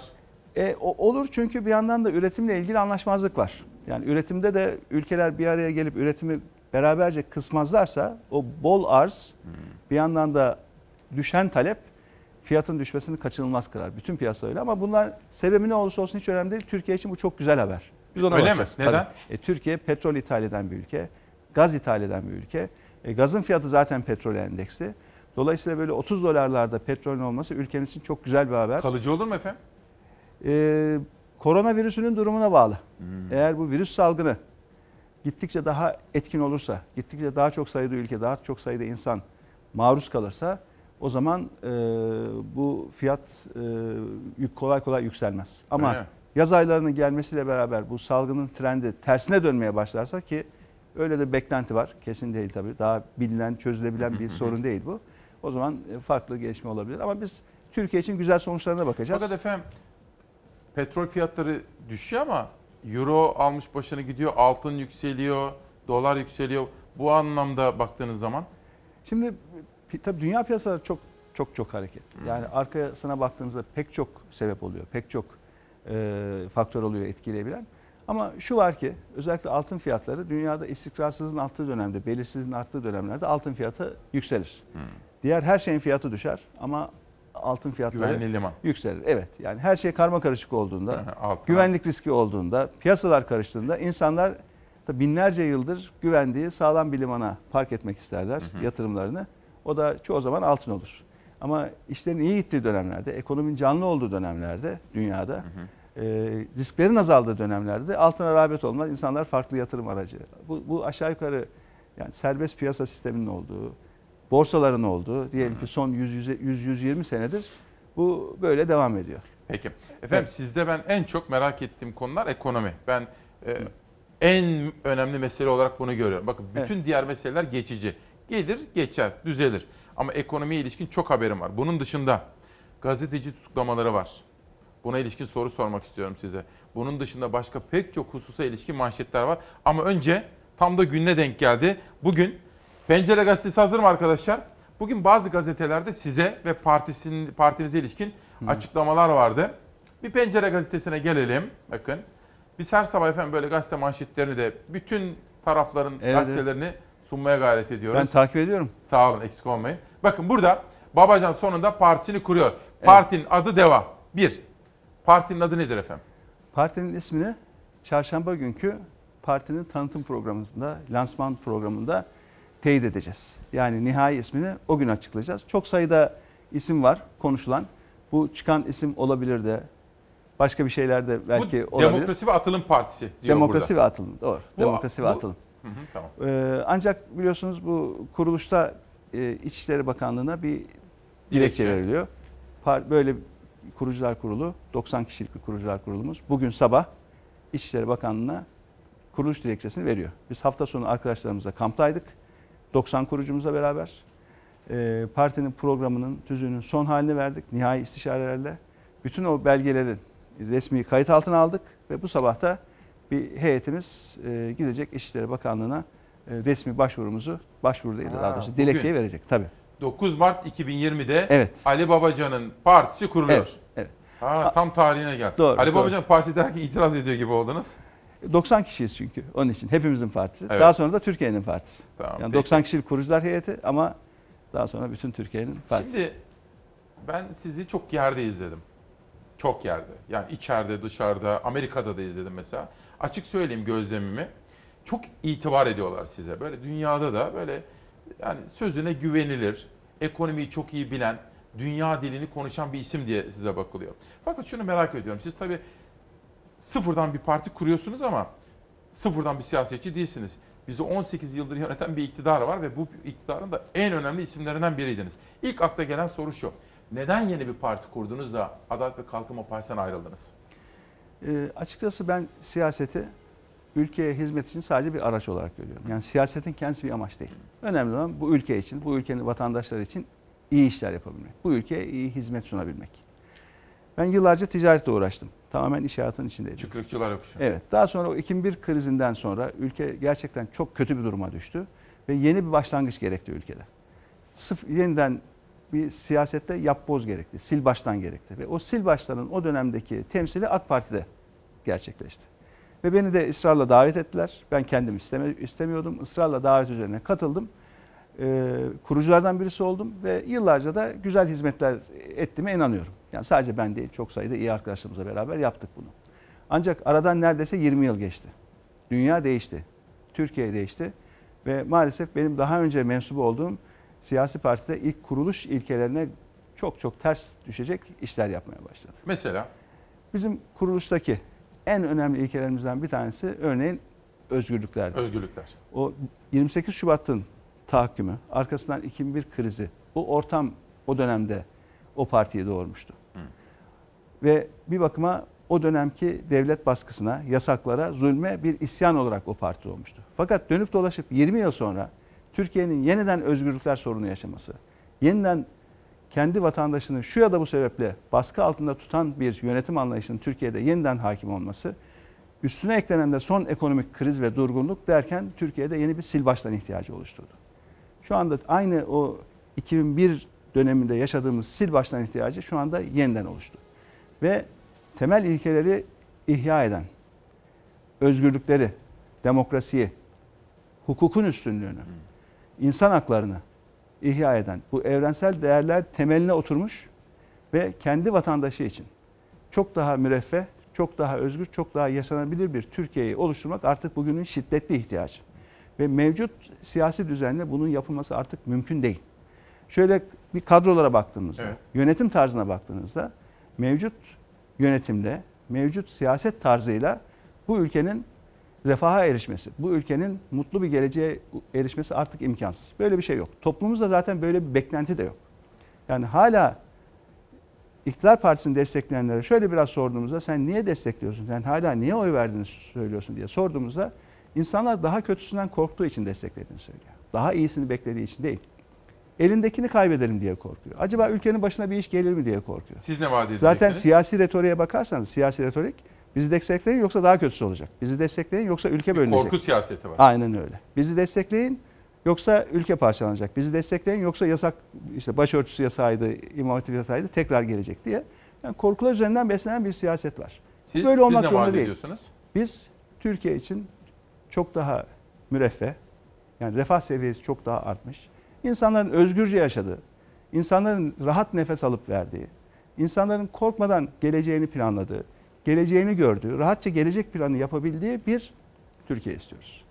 Ve bunu yaparken de temel değerleri yeniden ihya etmemiz gerekiyor. Yeniden özgürlük dememiz gerekiyor. Yeniden demokrasi dememiz gerekiyor. İktidar Bunları partisi- yapmazsak Türkiye Allah korusun daha kötü günleri de görür. Öyle mi? Sorunlar Türkiye'de konuşulamıyor. Bakın hapisteki gazetecilerden bahsettiniz. Evet. Sadece hapistekiler değil.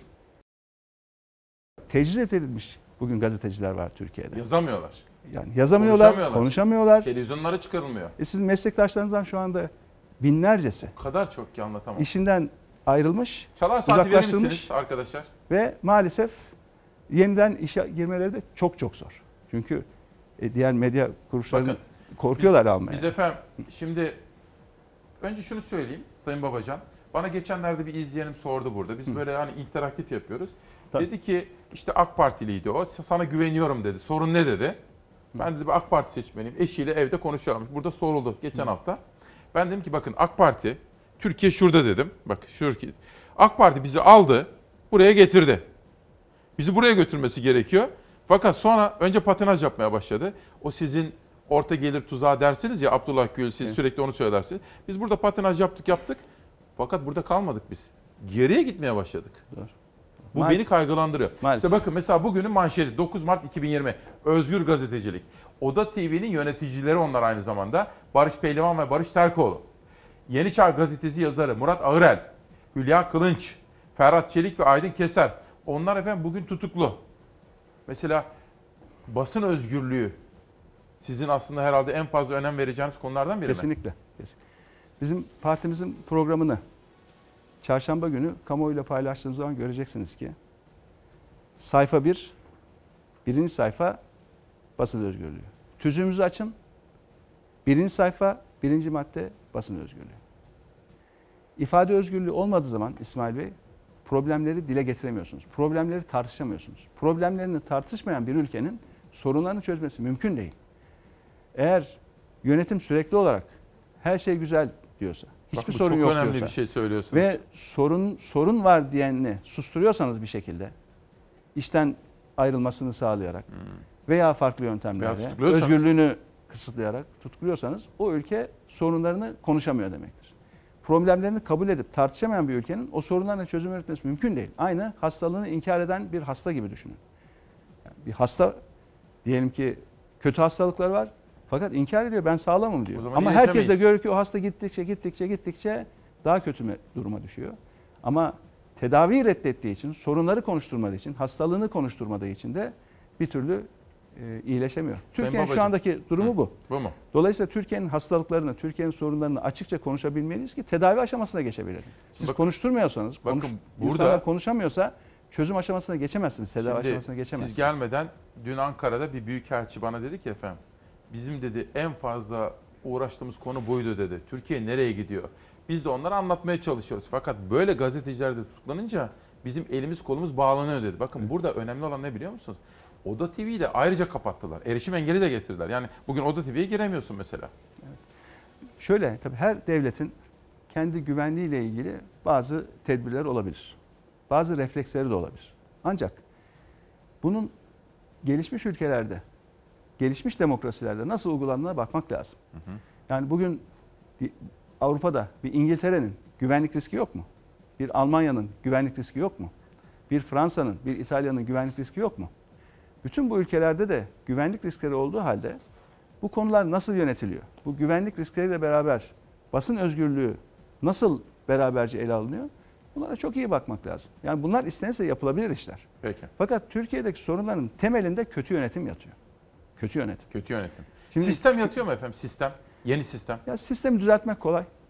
Yani sistem yani oturursunuz gerçekten mutabakatla iyi bir sistem oluşturursunuz. Böyle yüzde 50 artı bir ben dedim oldu Atalan Üsküdar'ı geçti gibi değil.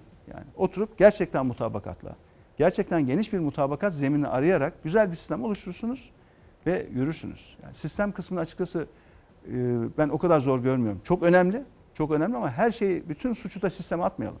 Yani bu sistem değişmeden önce de Türkiye'de bu saydığımız soruların çoğu vardı. Yani şöyle bantı biraz başa sarın.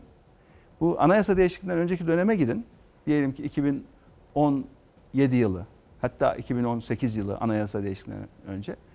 E, hala vardı Türkiye'de bu sorunlar. Yani bahsettiğim sorunlar sistem değişikliğinden sonra pat diye ortaya çıkmış sorunlar değil. Bu biraz da yönetim anlayışıyla ilgili.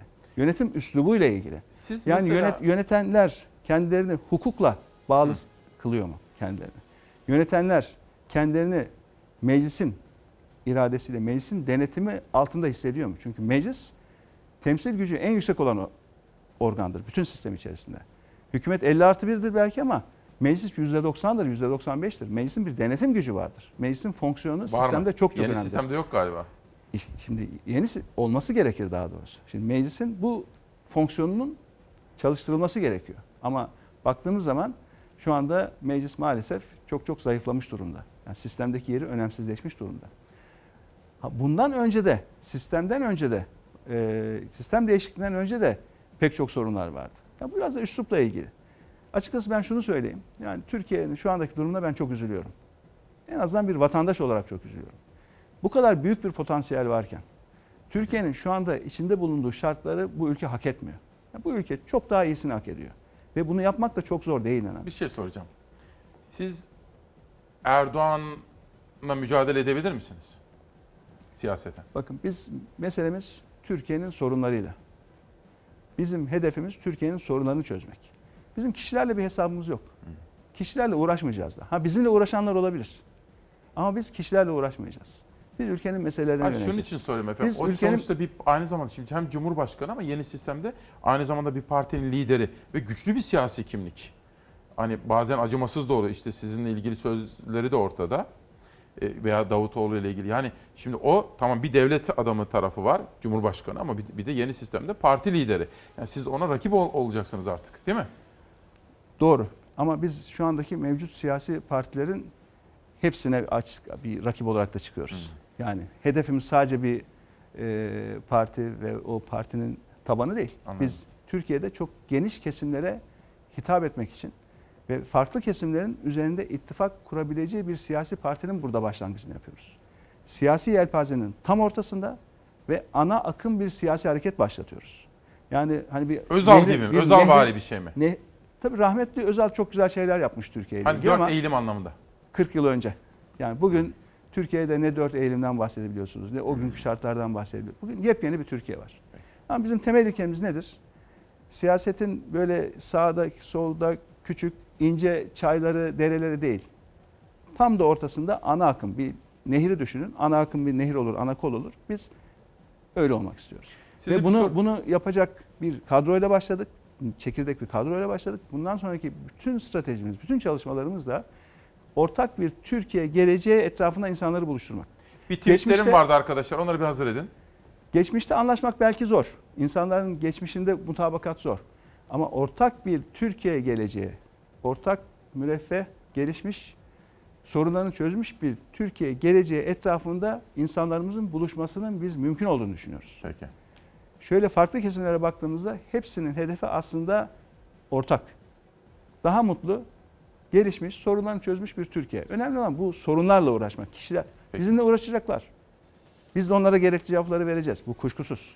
Ama kavga üzerinden bir siyaset yapmak istemiyoruz. Peki. Şimdi efendim çalışırken bu program için önce sizin yaptığınız paylaşımlara da baktım. Bunları Ocak ayında yeni yıla girerken böyle insanlara umut vermek istediniz. 2020 yılı korkuların ve karamsarlığın azaldığı, cesaretin ve umutların arttığı bir yıl olacaktır. Ayrıştırıcı, kutuplaştırıcı dilin kaybedeceği, birleştirici siyasetin kazanacağı bir yıl olacaktır diyor. Ali Babacan yeni yıl kutlaması yaparken artık hukukun ve adaletin hakim olduğu, vatandaşlarımızın korkmadan düşüncelerini açıkladığı, özgürlüklerin doyasıya yaşandığı bir Türkiye istiyorum diyor.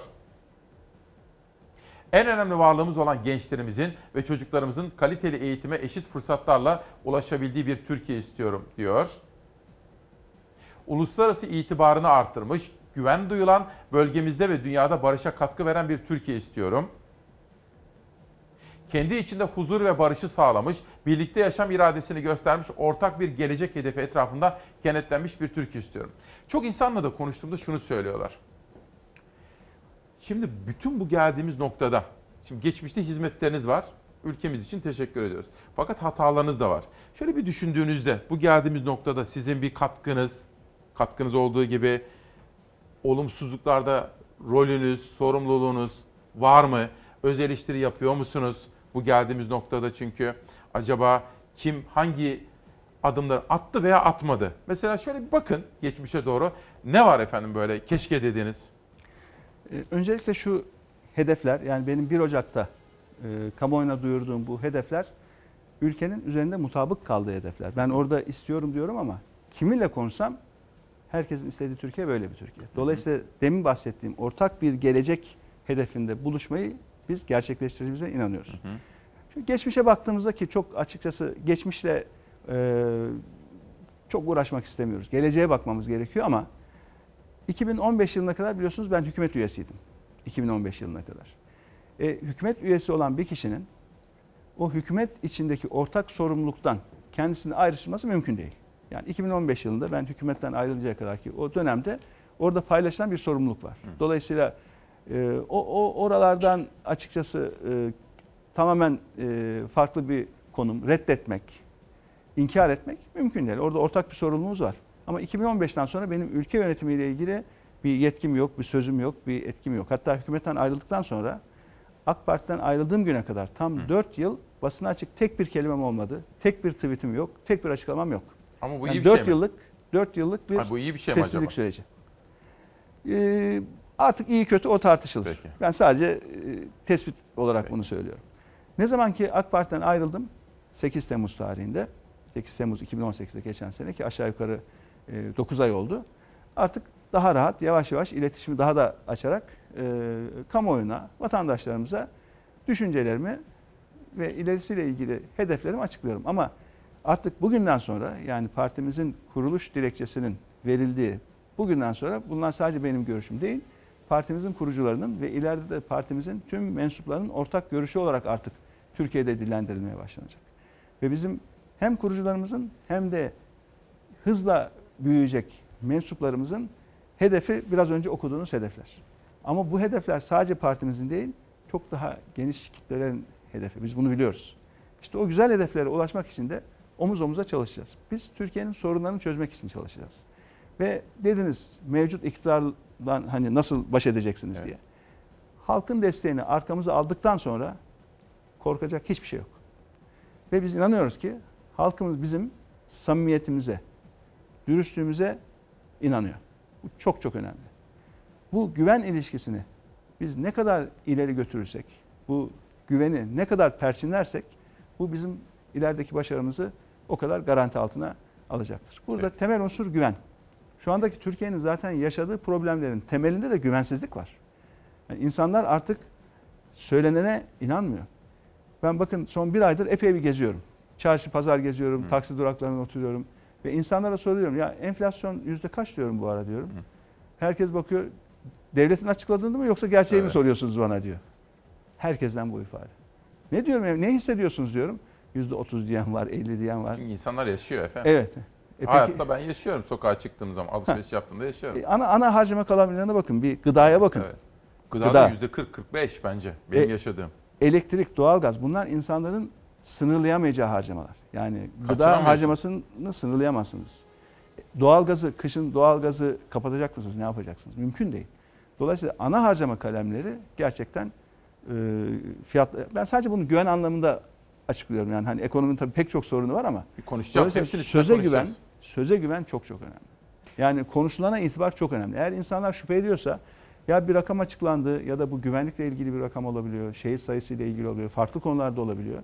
Devletin sözüne güven yönetimin ana kuralıdır. Eğer devletin söyledikleriyle ilgili kuşku varsa, soru işaretleri varsa artık o yönetimin, o iktidarın sürdürülebilirliği yoktur. Şimdi öyle mi? E, halktaki hissiyat öyle. Halktaki hissiyat öyle. Peki. Yani o güveni yeniden tazelemek gerekiyor. Güven yavaş yavaş oluşur. Fakat kaybetmek çok kolaydır. Kaybedilmiş güveni yeniden kazanmak da çok çok zordur. Dolayısıyla Türkiye'nin yeniden bir güven tazelemesine ihtiyaç var. Bir soru soracağım. Şimdi bugün sosyal medyada çok tartışılıyor. Bir önceki Cumhurbaşkanımız Abdullah Gül sizi hep böyle destekleye geldi. Fakat bugün bu listeler sizin şekillendi. Partinizin kuruluş dilekçesi bugün veriliyor. Abdullah Gül'le bir ayrışma, bir, bir, bir takım e, haberler dolanıyor şu anda sosyal medyada. Aldığınız listelerle ilgili. Abdullah Gül bu işin neresinde efendim? Biz e, Sayın Abdullah Gül'le e, çok e, eski dostluğumuz var açıkçası. Yani ben siyasete girmeden önce tanıyordum. Beni siyasete davet eden kendisi. Ve e, kendisi e, sağ olsun bizim bu parti hazırlık e, çalışmalarında bize tecrübesiyle ve fikirleriyle çok destek oldu. Ama bu fikir ve tecrübe desteği. Yani siyasi partinin oluşumu, siyasi partinin kadrosu tamamen biz ve bizim arkadaşlarımızdan oluşan bir kadro. Yani bu kadronun geleceğe dönük bir kadro olması gerekiyor. Ve bu kadronun mümkün olduğunca tabii siyaseti bilen ama daha çok da siyasete yeni kazandırdığımız kişilerden oluşması gerekiyor. Bakın bugün kurucularımız listesi İçişleri Bakanlığı'na verildiği anda zaten duyuluyor. O kaçınılmaz bir şey duyuluyor. Şimdi bakacaksınız. Orada göreceksiniz ki Yeni isimler. daha önce daha önce siyaset yapan ki adayları aday adaylığı bile yapmış olsa onları dahi saysanız diyelim ki bir yerden basit bir aday adayı olmuş. Onları dahi saysanız üçte bir civarında. Üçte ikisi siyasete tamamen bizim yeni kazandıracağımız isimler. Ve genç isimler. Yüzde otuz kadın oranımız var bakın. Yüzde otuz Çok kadın. önemli. Yüzde otuz kadın. Yüzde otuz kadın kurucu. Yani 90 kurucumuzun yüzde 27, ya 27 tanesi yani yüzde otuzu tam kadın. Yüzde 20'ye yakın gencimiz var. 30 yaş altı var. Bu siyasi partilerin kuruluşundaki en yüksek oran. Ve tüzüğümüze kadın kotası koyduk. Genç kotası koyduk. Kadın kotası yüzde 35. Çok. Kuruluşta 30 ama parti bu 30 yüzde 30 Mesela kadına başlıyoruz. listelerinde Yüzde 35. Hepsinde Çok iyi, 35. çok iyi. Kota minimum. Gençlerde yüzde genç 30 yaş alttan bahsediyoruz bakın yüzde 20. Engelli kotası. Bakın engellilerimiz için, engelli vatandaşlarımız için ilk defa bizim partimizin bir kotası var. Bütün organlarda engelli kotası var. Bir dakika. Zaten bir Şu parti kesin efendim? Ben sizin partinizin milletvekili listelerine baktığım zaman yüzde 35 kadın mı göreceğim? Evet. Tüzüğümüzün şartı olarak yazdık ve Türkiye'deki en yüksek orandır bu. Başka hiçbir siyasi partide yüzde 35 Amaç oranı 50. göremezsiniz. 50'ye doğru gitmemiz lazım ileride. Öyle, öyle. Amaç 50 ama bir de Türkiye'nin realitesi Tabii. var. Türkiye'nin 35'te siyasetinin karma karışık görüntüsü var.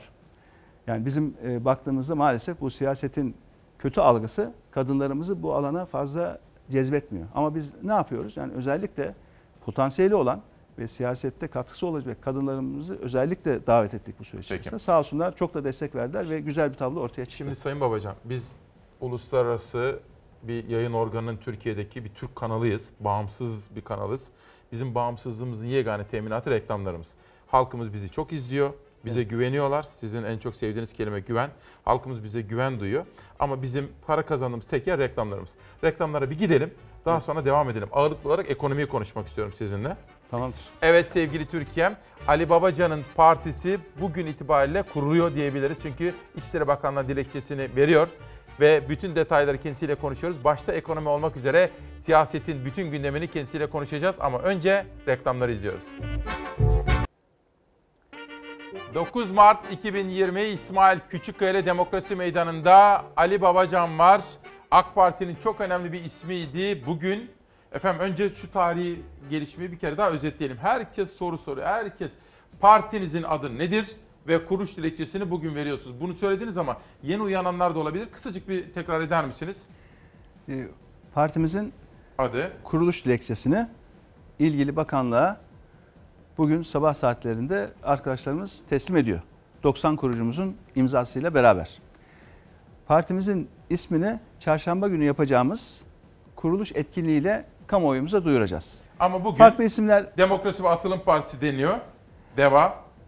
Ee, ben teyit etmeyin bugün ama çarşamba günü kuruluş etkinliğimizde partimizin logosunu, ismini e, hep beraber orada duyurmak istiyoruz. Tabii e, resmi başvuru olunca resmi başvurudan bir miktar oradan e, kamuoyuna yansımalar olabilecek ama şimdiye kadar pek çok isimde tartışıldı. Vatandaşlarımızdan bize 250 tane isim önerisi geldi. Biz talepte bulunmamamıza rağmen web sitesinden, e-posta yoluyla, mektup yoluyla vatandaşlarımız aslında bu partinin ismini koydu. Bu 250 isim içerisinden değerlendirmelerle nihai bir isme karar verildi. Ama karar verilen ismi müsaade ederseniz ben çarşamba günkü kuruluş etkinliğimizde partimizin programını, tüzüğünü kamuoyuyla paylaşacağımız kuruluş etkinliğinde açıklamak istiyorum. Bir şey soracağım Yani kısacık. reddetmek de istemiyorum, teyit etmek Peki. de istemiyorum. Ama benim anladığım isimleri. Demokrasi ve Atılım Partisi olacak gibi gözüküyor. Ama siz Ça- çarşamba günü geldiğinde hep beraber peki. görelim. Şimdi partiye katılmak isteyenler ne yapacaklar? Nasıl çok soru geliyor. Ee, şöyle bugün itibariyle partimiz henüz tüzel kişiliğe sahip olmadığı için benim kendi şahsi web sitem var. alibabacan.com.tr Kasım ayında açtığımız bir web sitesi. Evet. Bu alibabacan.com.tr web sitesine girdiklerinde bir gönüllü olun butonu var. Bir de bize görüş yazın butonu var. Gönüllü olun butonuna bastıkları zaman orada bilgilerini girecekler. Bu bilgiler bizim arkadaşlarımız tarafından kayda alınacak. Daha sonra vakti geldiğinde o vatandaşlarımıza ulaşılacak ve onlarla beraber Peki. e, çalışılmaya başlanacak. Şimdi ben arada reklam arasında siz kahvenizi içerken ben de sosyal medyaya da baktım. Şimdi ağırlıklı soru bakın söyleyeyim size %75-80 ki biz çok izlendiğimiz için Türkiye nabzını iyi tutuyoruz efendim. Doğru. Ekonomi. Bakın %75-80 bakın ekonomi. Esnaftan, köylüden, üreticiden. Doğru, doğru. Bir gazeteleri beraber okuyalım. Savaş Tabii. ver bakalım. İkinci tur gazete manşetlerini şöyle okuyalım. Bugün Cumhuriyet Gazetesi Barış'tan mektup manşetiyle çıkmış. Yazarımız Barış Terkoğlu Silivri'den Türkiye'ye sesleniyor. Çünkü Oda TV haber müdürü de, Oda TV'nin genel yayın yönetmeni de Barış Pehlivan ve Barış Terkoğlu tutuklandı. Yeni Çağ yazarı Murat Ağırel de tutuklandı. Siz efendim bir cümle söylüyorsunuz. Partinizin kuruluş dilekçesinden sonra da partinizin anayasasında bir numaralı madde mi demiştiniz? Hem programın hem de tüzüğün birinci sayfasında basın özgürlüğünü göreceksiniz. Birinci sayfada. Birinci sayfada. Çok önemli. Çünkü çözüm oradan başlıyor. Özgürce problemleri tartışabilmekten başlıyor. Hele hele hukukun üstünlüğü, hukuk güvenliği olmazsa olmaz şartlar. Öyle düşünün ki bugün bir iş adamımız ki isim de vereyim burada Sayın Kavala iki buçuk yıldır hapiste ve dosyaya baktığınızda sağlam bir gerekçe olmadığı halde ve iki buçuk yılın sonunda o dosyadan beraat ettiği halde aynı gün bir başka savcının bir başka girişimiyle yeniden tutukluluğu devam etti. Şimdi böyle bir ülkeye yatırımcı nasıl gelecek? Böyle bir ülkeye geleceğine güvenip de yatırımcı nasıl yatırım yapacak? Bir ülkeye yatırım yapılmazsa İsmail Bey istihdam oluşmaz. Yeni iş sahaları açılması gerekiyor bu ülkede. İşsizlik çok yüksek. Ülkenin ekonomik durumunun temelindeki sorun yatırımın yapılmaması. Özel sektörün Türkiye'ye yatırım yapmaması. Yatırım olmayınca üretim olmayı, üretim olmayınca yeni iş sahası oluşturamıyorsunuz. Ondan sonra hep beraber ekonomik sorunlardan bahsediyoruz. Yatırımın olması için öncelikle bu ülkenin hukuk sistemine güven lazım. Yargıya güven lazım. Hukukun üstünlüğü yoksa, hukuk güvenliği yoksa bu ülkeye yatırım gelmez. Yatırım gelmeyince işsizlik sorununu çözemezsiniz. Bu işin temeli. Bu temelle ilgili ciddi sorunlar var. İnanın ben çok üzülüyorum. Yani böylesine potansiyeli yüksek bir ülke, 83 milyon nüfus, genç bir nüfus. Üstelik de dünyada paranın bu kadar bol olduğu bir dönemde, likiditenin bu kadar bol olduğu, Avrupa'da eksi faizin olduğu bir dönemde. Eğer yatırımcı bu ülkeye yatırım yapmıyorsa bu çok vahim. Yani Anadolu tabiriyle bizim İç Anadolu'da derler ki un var, şeker var, yağ var da niye helva yok? Şu andaki Türkiye'nin problemi bu. Her şey hazır. İnsan kaynağı hazır. Finansman hazır. İçeride de hazır, dışarıda da Dünyada hazır. para varmış efendim bol. Ya var bizim kendi insanımızda da var. Kendi insanımız parasını Türkiye'de tutmaktan korkuyor. Kendi insanımız parasını resmi kayıtlarda tutmaktan korkuyor. Yastık altında tutmayı tercih ediyor. İmkan olan gidiyor başka ülkede tutuyor. Bizim insanımızın da parası var. İlla dışarıya da muhtaç değiliz. Genç nüfusumuz var. Kaynağımız var. Fakat Helva maalesef yönetim kötü. Helva yapılamıyor. Bu kadar büyük potansiyele rağmen Türkiye'nin bu kadar kötü durumda olması gerçekten beni bir vatandaş olarak çok üzüyor. Biliyorum ki çok çabuk düzelir. Biz bunu yaptık, defalarca yaptık. Bakın 2002'de Yine yapabilir misiniz? çok kolay. İnanın bakın kurumsal altyapıyı, kurumsal yapıyı düzeltmemiz 30 gün. Ondan sonra her ay, her ay, her ay, her ay ülke bambaşka bir ülke haline gelir. Ben 2002'de hazineden sorumlu bakan olarak başladığımda Türkiye'de faizler %66 idi. Enflasyon %29'du. Ülkede 35 yıl çift haneli enflasyon görmüştük. 2 yılda enflasyonu tek haneye düşürdük. Hatırlayın o günkü paralarda 6 tane sıfır vardı. 2 yılda paradan 6 sıfır attık. Tek haneli enflasyonu, tek haneli faizi Türkiye hemen birkaç yıl içerisinde gördü. Ne kadar vaktinizi Ki alır? O günkü durum o günkü durum daha berbattı. Bankaların üçte biri batmıştı. Ülkenin milli gelirinin üçte biri kaybolmuştu. Bugün altyapı hala fena değil. Çünkü çok sağlam bir altyapıyla gelindiği için adeta ne kadar da üzerinde tepinilse, ne kadar da ekonomiyle e, ekonomiye ne kadar zarar verebilecek ne var ne yoksa hepsi yapılsa yine de o sağlam altyapı bugüne kadar geldi ama hazıra da daha dayanmaz. Yani kötü yönetim daha devam ederse ekonomi gittikçe daha da Hasar zarar artabilir. görebilir. Ondan sonra toparlanması da uzayabilir. Peki gazete manşeti devam edelim. Bu sabah Ali Babacan'da okuyoruz gazete manşetlerini. İşte bakın gazeteci Ağırel tutuklandı. Adli kontrol şartıyla serbest bırakılmıştı. İki gazeteci daha. Bunlar tabii siz bu haberleri duyunca üzülüyor musunuz efendim? Mesela ne hissediyorsunuz böyle his olarak? yüreğim yaralı diyeyim. Ne diyeyim? Tabii ben bu dosyaların içeriğini bilmiyorum. Yani her bir dosyayla ilgili yargı bilir. Yani içinde ne kadar gerçek vardır, ne kadar uydurma şeyler vardır. Bunu ben bilemem. Yani hukukçu olmak lazım. İyice dosyaları incelemek lazım. Yani münferit olayların detayını bilemem. Ama ne zaman ki ben özgürce konuştuğu için ya da özgürce bir şeyler yazdığı için işini kaybeden bir gazeteci görsem ya da tutuklanan bir gazeteci görsem bu benim yüreğimi yaralıyor. Bu ama sadece benim yüreğimi yaralamıyor. Bu yatırımcıları korkutuyor. İş dünyasını korkutuyor. Bugün milyarlarca dolar yatırım yapabilecek insanlar ya ben bu yatırım yaparım ama ondan sonra hiç sebepsiz yere bir gün beni alıp götürürlerse iki tane polis çalışma ofisine gelip de alıp götürürlerse bütün bu yatırımın hali ne olur? Hani kendim yatarım içeride de bu kadar binlerce insan, binlerce çalışanın hali ne olur diye. İnsanlarda bu korku var. Şimdi korku ikliminin hakim olduğu bir ülkede yatırım olmaz. O ülkenin ekonomisi düzelmez. Öncelikle bu korku iklimini yeniden bir ümit iklimine çevirmek lazım. O da topyekun bir siyasi revizyon olmadıktan sonra mümkün değil. Peki. Sonraki gazete manşetine geçelim. Ali Babacan yorumluyor günün manşetlerini. Bunu geçelim.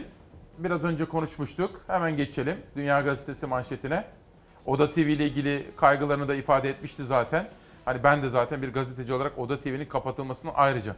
Efendim öyle yazdı bakın. O kadar üzüldüm ki. Tutuklanan gazeteci arkadaşımız dedi ki bize bunu FETÖ yapmıştı dedi. Çünkü her ikisi de FETÖ'den yattı. Hatta Murat Ağırel de FETÖ, FETÖ kumpaslarıyla yatmıştı. Fakat FETÖ o zaman Oda TV'yi kapatmamıştı dedi. Size biraz sonra FETÖ'nün siyasi ayağını da soracağım mutlaka.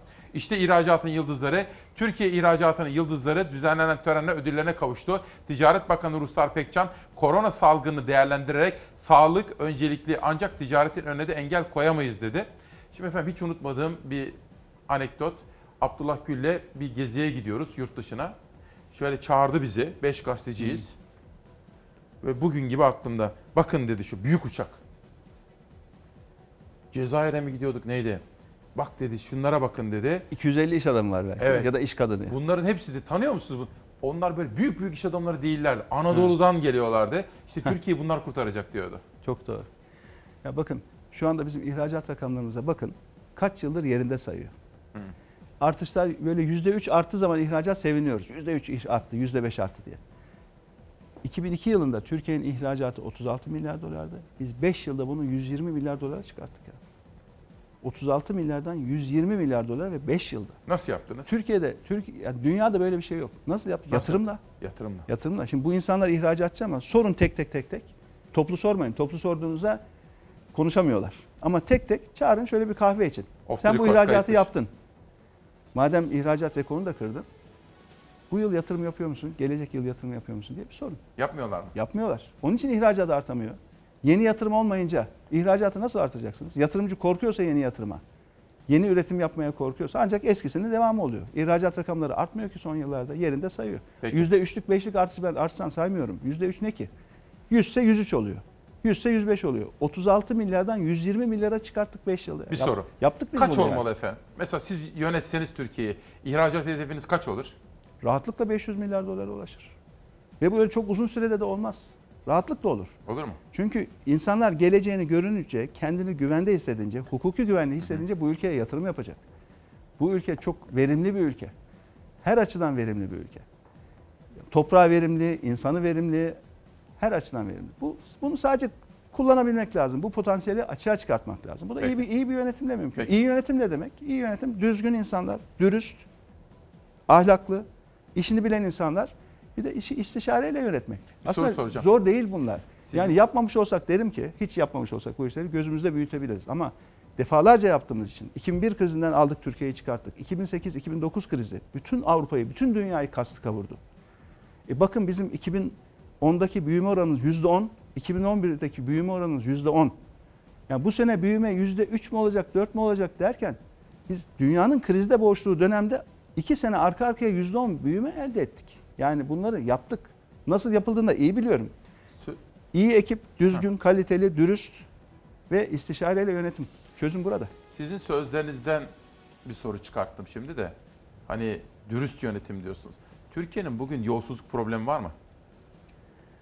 Türkiye'nin her alanda problem var. Yolsuzluk tersten okuduğunuzda şeffaflık. Dünya Şeffaflık Endeksi var. Dünya Şeffaflık Endeksinde Türkiye her sene her sene aşağılara doğru düşüyor. E, şeffaf olmayan bir ülkede yolsuzluğun artması kaçınılmazdır zaten. Çünkü karanlık varsa karanlıkta daha kolay suç işlenir. Ama aydınlık ortamda gün ışığında suç oranı düşer. Bütün dünyada böyledir. Şeffaflık sorunu var Türkiye'de. Şeffaflık olmaz olur mu? Yani bir kamu ihale yasası 180 defa değiştirildiyse bir ülkede. Ya 180 defa bir yasa değiştirildi mi kamu ihale yasası? Yani Avrupa Birliği'nde 28 ülkenin uyguladığı bir ihale mevzuatı var. Bu ülkelerin hepsi o mevzuat dahilinde satın alım yapıyor. Biz o kadar uğraştık. O kadar yalvardık ya bunu yapalım aynen koyalım şunları diye. Bakın yazık oluyor bu ülkenin kaynakları heba oluyor. Bu ülkede israf var. Fakat maalesef yapamadık. Bizim ayrışma sebeplerimizden en önemli en önemlilerden bir tanesi de budur. Bu Bir konulardır yani. Yine sizin hep dile getirdiğiniz, dile getire geldiğiniz hususlardan biri şuydu. Bu kurumların bağımsızlığı. Yani siyasi otoriteden bağımsız hareket edip Merkez Bankası'ndan başlayın, işte Enerji Piyasası Kurulu, Rekabet Kurulu hepsi. Orada da bir sorun görüyor musunuz? Bağımsız kurum yok ki. Yani en bağımsız olması gereken yargı bile bağımsız değil. Bir dönem maalesef işte FETÖ terör örgütü gibi örgütlerin güdümünde yargı iş yaptı. E bugün de bakıyorsunuz yönetimin yani yürütme erginin yargı üzerindeki tahakkümü yargıyı rahat çalıştırmıyor. Bana başka ortamda sormuşlardı yargıyı nasıl düzelteceksiniz diye. Yargıya telefon etmediğiniz zaman yargıya listeler, yazılı bir şeyler ki yazılı tabii resmi talimat değil de hani elle karalanan talimatlar gidiyor. Telefonlar gidiyor. E yargı nasıl rahat çalışsın? Yani yargının öncelikle anayasa, yasalar ve yargıçlarımızın vicdanı çerçevesinde işlemesi lazım. Bunun haricindeki bir etki yargıyı düzgün Size bir çalıştırmaz. soru sorabilir miyim efendim? Siz hakimsiniz. Dürüst, namuslu bir hakimsiniz. Ve bir karar verdiniz. Verdiğiniz karardan sonra ülkeyi yönetenler size eleştiri yöneltiyorsa açık açık canlı yayınlarda. Ve verdiğiniz bu karardan sonra siyasiler sizi böyle eleştirdikten sonra Hakimler Savcılar Kurulu sizinle ilgili soruşturma açıyorsa ya sonraki nasıl karar verilebilir Aynen efendim? öyle. Aynen öyle. Ya öyle davalar var ki inanın. Hakim diyor ki ya ben bunu bu bu sanığı hapse atacağım ya da kendim hapse gireceğim diyor. İkisinden birisini tercih etmek zorunda diyor. Ne yapsın? Gerçekten zor bir ortam. Onlar için de çok zor bir ortam. Yani bizim tabii yargıda da insan kaynağı sorunumuz var. Yani yargıda da eğitim sorunumuz var. Yani yargının insan kaynağı kalitesini geliştirmek gerekiyor. İyi bir eğitim, iyi bir e, yeniden eğitim programı gerekiyor. Bir kalite kontrolü gerekiyor. Bakın bir şey söyleyeyim. Bizim gençlerle sık sık buluşmamız oluyor. Bu buluşmalarımızdan bir tanesi de geçtiğimiz hafta yaptık. Ben özellikle hukuk öğrencilerine soruyorum. Ya yargıyı nasıl düzeltirsiniz diye. Bunlar hukuk fakültesinde birinci, ikinci sınıf öğrencileri. Hepsi birden iki konu söylüyor bana. Nasıl düzelteceğimizle ilgili. Bir, bu hakimler, savcılar kurulunun atamasını meclise bırakın. Yani bu tek noktadan yapılmasın bu atamalar. Gerçekten orada bir çeşitlilik olsun. İki, hakimlere dosya ve yer güvencesi verin. Yani hiçbir hakim aldığı bir karardan dolayı sürülemesin. Ya da dosyası değiştirilemesin. Bu ikisini yapın diyorlar. Bana bunu söyleyenler üniversite birinci sınıf, ikinci sınıf. kadar basit aslında. Bakın 19-20 yaşındaki genç hukuk öğrencileri yani. Aklın yolu bir. Ama şu anda bunlar yapılmadığı için maalesef yargı rahat işleyemiyor. Onun için ben diyorum ki düzeltmek çok kolay. Çok hızlı düzelir. Yani aynı insan kaynağıyla bile çok hızlı düzelir. Yeter ki o irade olsun. Yani güçler ayrımına inanın. Peki. Hukukun üstünde inanın. Şimdi efendim biz programımızda köylü, besici, üretici bu konuya çok önem veriyoruz. Ana haberimizde ve çalar saatimizde. Bakın Coşkun Aral bizi izliyor şimdi. Diyor ki meslektaşımız, meslek büyüğüm. İsmail, sevgili İsmail Günaydın. Babacana lütfen sorar mısın? Tarım ve hayvancılık projeleri. Bak mesela Türkiye bunları konuşuyor. Bir sonraki manşete geçelim. Dün akşam ana haberimizde bu konuda bir haber vardı. Onu bir çeksin arkadaşlarım. Güncelleyelim onu. Emeklerinizin karşılığı yoksullaşmak oldu. Affet bizi öğretmenim. Öğretmenler fakirleşti. Türkiye'de bilgiye aç öğrencileri gecesini gündüzüne katan öğretmenler eğitmeye çalışıyor. Ancak 950 bine yakın öğretmen yoksulluk sınırının altında yaşıyor diyor efendim. Şimdi tarım haberi var efendim. Bir tarım haberini izleyelim sonra biraz bu konulara da girmemiz gerekiyor. Hazır mıyız? Peki borç arttı. Kaç dönüm arazi? 80 dönüm arazim var. 17.500'den tutan bedel bu. Bunu ben Neredeyse nasıl 1 ödeyeyim? trilyona Neredeyse o kadar. İki bir arazilerinin fiyat farkları bizim umduğumuz gibi çıkmadı. Başka yerlerde 800 bin 1200 lira olan raiç bedeller burada e, 17.500 lira 12 bin lira 16 bin lira bu civarda köylü bu paraya bunları alamıyor. Kırklareli Pınarhisar'a bağlı kendi halinde bir köy, Cevizköy. Yaklaşık 20 yıldır devlete kira verip 2B arazilerini işliyorlardı. Ama bu sene devlet arazileri satacağım dedi. Raiç bedeller belirlendi ama o bedeller köylülere çok yüksek geldi. Şimdi hayvan satacağım, bir şey yapacağım. İlk taksileri vereceğiz. 41 bin lira yatırdım ben. K- 41 Var mıydı 41 bin Nereden liranız? yatırdım? Sağ soldan buldum.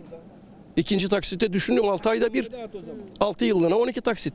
Ben 6 ayda bir nerede taksit bulacağım 30 bin lira 40 bin lira. Evimi sattım, arabamı sattım, almaya uğraşıyorum.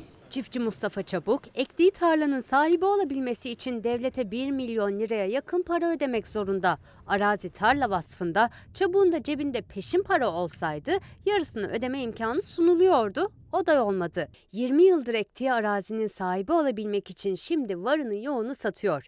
Köylülerin iddiasına göre arazilere bu denli yüksek fiyat biçilmesinin nedeni o bölgede bir organize sanayi sitesinin kurulacak olması. Vay efendim neymiş? İşte burada sanayi arazisiymiş. Ya sanayi arazisi nereden gelmiş burayı? Ne zaman sanayi olmuş burası? Bize burası dağıldığı zaman da toprak reformu bize tarım için verdi burasını. 400, 500, 550, 600 lirayı geçen rakamlar var. Peki bunu vatandaş nasıl ödeyecek? Nasıl ödeyecek? Ödeyemez. Ödeyemeyince ne olacak? Ödeyemeyecek satacak.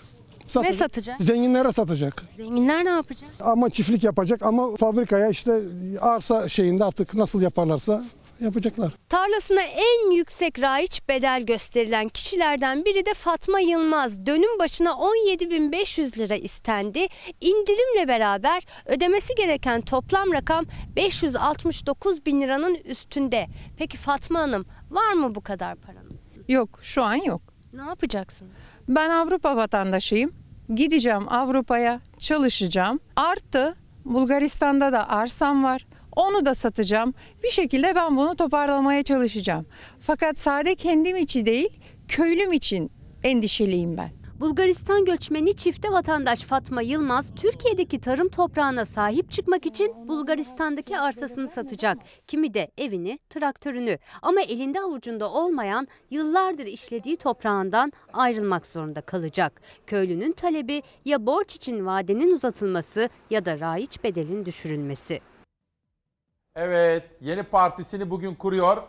İçişleri Bakanlığı'na dilekçe bugün veriliyor. Çarşamba günü de büyük bir toplantı yapacak ve partisinin adını, kurucular kurulunu, listesini, felsefesini anlatacak. Yani 9 Mart 2020 önemli. Ali Babacan canlı yayınımızda.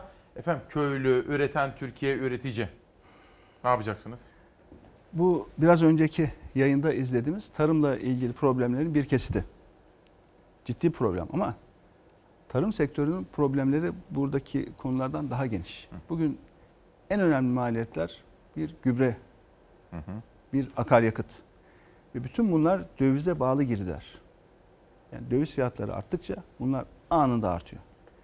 Yani döviz ne kadar artarsa, kur ne kadar artarsa bu maliyetler de o kadar artıyor. Dolayısıyla girdi maliyetleri bugün tarımımızın en önemli sorunlarından bir tanesi. Bir başka sorun verimlilik. Yani bilgiye dayanan tarımın yapılması gerekiyor Türkiye'de. Ve arazilerin daha iyi, daha bilinçli, bilime dayalı işlenmesi gerekiyor. Bugün Hollanda ki bizim Konya vilayetimiz büyüklüğündedir. Hollanda'nın tarım ihracatı Türkiye'nin kat kat üzerindedir. Konya kadar bir alanda bu kadar büyük bir ihracat yapabiliyorlar. Bilgiye dayanan, bilime dayanan bir tarım gerekiyor. Bugün çiftçimizin refahını artırmak ancak ve ancak daha bilinçli bir tarımla mümkün. Bir de girdi maliyetlerinin düşmesiyle mümkün. Türkiye bu kadar büyük bir toprakta, bu kadar büyük bir coğrafyada ve bu kadar çok iklim çeşitliliğinin de olduğu bir yerde açıkçası. Yani Karadeniz'de iklimimiz bambaşkadır, Akdeniz'de bambaşkadır, Doğu Anadolu'da bambaşkadır. Yani böylesine zengin bir iklim çeşitliliği olan bir ülkede tarımda çok çok büyük bir potansiyel var. şey yani bugün miyim? bugün düşünün ki pek çok tarım ürünü ithal etmek zorunda kalan bir ülke haline geldik. Şimdi efendim burası Fox ya. Evet. Ben buraya 7 yıl önce başladım. Hani biz birbirimizi akşam günlerinden tanıyoruz eskiden. Doğru. Şimdi ben buraya ilk geldiğimde önümüz yeşildi. Havaalanına kadar böyle yeşildi. Bakın 7 yıl. Ama 2 yıl önce oldu bu. Şuradan çıkın havaalanına kadar beton, beton, beton, beton. Tamam mı? Sadece burada değil bu. Her yerde böyle. Fakat sorum şu. Şimdi siz tabii bu iktidarın çok önemli bir ismiydiniz. Ekonominin de başındaydınız ya. Bu yanlış ekonomi modelinde sizin sorumluluğunuz yok mu? Bakın yıl 2013-2014. O günkü basın arşivlerini şöyle bir tarayın. Sizde hepsi vardır. Evet. Benim defalarca uyarım var. Bakın dedim inşaatla sanayi arasındaki denge bozuluyor. Hmm. Bu emsal değişikliğiyle yapılan büyük rant projeleri, bu yüksek binalar var ya Evet. bütün şehirlerde. Bunlar çok ciddi rant oluşturuyor.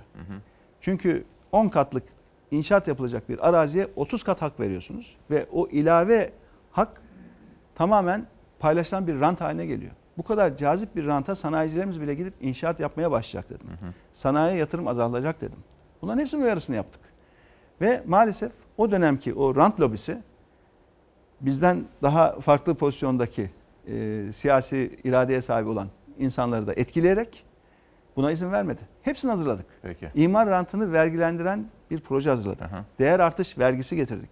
Dedik ki buradaki rantlar eğer vergilendirilmezse bütün kaynaklar inşaata akacak. İnşaat sektörü önemlidir. Bir ülkenin kalkınmasında gerçekten yeri çok önemlidir. Ama Ama bir dengesi var. sanayi olmadan sadece inşaata yatırım yaptığınızda böyle bir kriz içine düşersiniz. Şu anda büyük şehirlerin tamamında boş binalar var. Yazıktır, günahtır. Milyarlarca dolar bu ülke borçlandı ve o borçlanan para bir bakıma işte betona, demire yığıldı ve şehirlerimizin de görüntüsü bozuldu. Yeşil azaldı, beton çoğaldı şehirlerde. Zamanında eğer bizim önerdiğimiz gibi, bizim uyardığımız gibi tedbirler alınabilseydi bugün ne bu ekonomik kriz olacaktı ne de boş binalar görecektik. Çok daha fazla sanayi görecektik. Çok daha fazla ihracat göre- görecektik. Ama bu kısa vadeli rant ve özellikle siyasetin finansmanının bu imar rantlarından karşılanması maalesef oradaki çıkar birliği bizim arzu ettiğimiz reformlara izin vermedi. Ama Peki. basın kayıtlarına bakın. Yo, ben defalarca hatırlıyorum, uyarımız, hatırlıyorum. defalarca uyarımız var. Ankara Sanayi Odası'na gittiniz bir gün. Oradaki konuşmanızda da yaptınız. Ben hatırlıyorum. Yerinde izledim. En az 100 tanedir. Yap en az 100 konuşma Şimdi vardır. bakın bir öneri var. Kanun, kanun metinleri hazırladık. Kanun metinleri meclise sunulacak hale getirdik fakat hepsi engellendi. Bir öneri Yani var çıkar, size. çıkar lobisi engelledi bizi. Sebahat Vardar. O da Ecevit döneminin milletvekillerinden tecrübeli bir isim. Diyor ki Sayın Babacan belki de Ecevit'in köy kent projesini örnek alabilir diyor. Hani bu kırsal kalkınmayı da belki e, danışmanlarınız da izliyorlar. Şimdi efendim sizinle ilgili bir iki dakikalık bir e, bant hazırladık. Bir izleyelim. Evet Zafer Söken hazırladı. Ali Babacan dosyası. Hazır mıyız Savaş? İzleyelim. Daha 30'lu yaşlarının başında AK Parti'nin 2002 yılındaki seçim zaferiyle tanıdı Türkiye Ali Babacan'ı. O genç isim Türkiye'nin dış politikasının ve ekonomisinin üzerinde büyük etki bıraktı. 13 yıl kesintisiz bakanlık yaptı. 2019 yılına kadar kurucusu olduğu AK Parti'de kaldı. Şimdi ise yeni parti kurmak için kolları sıvadı.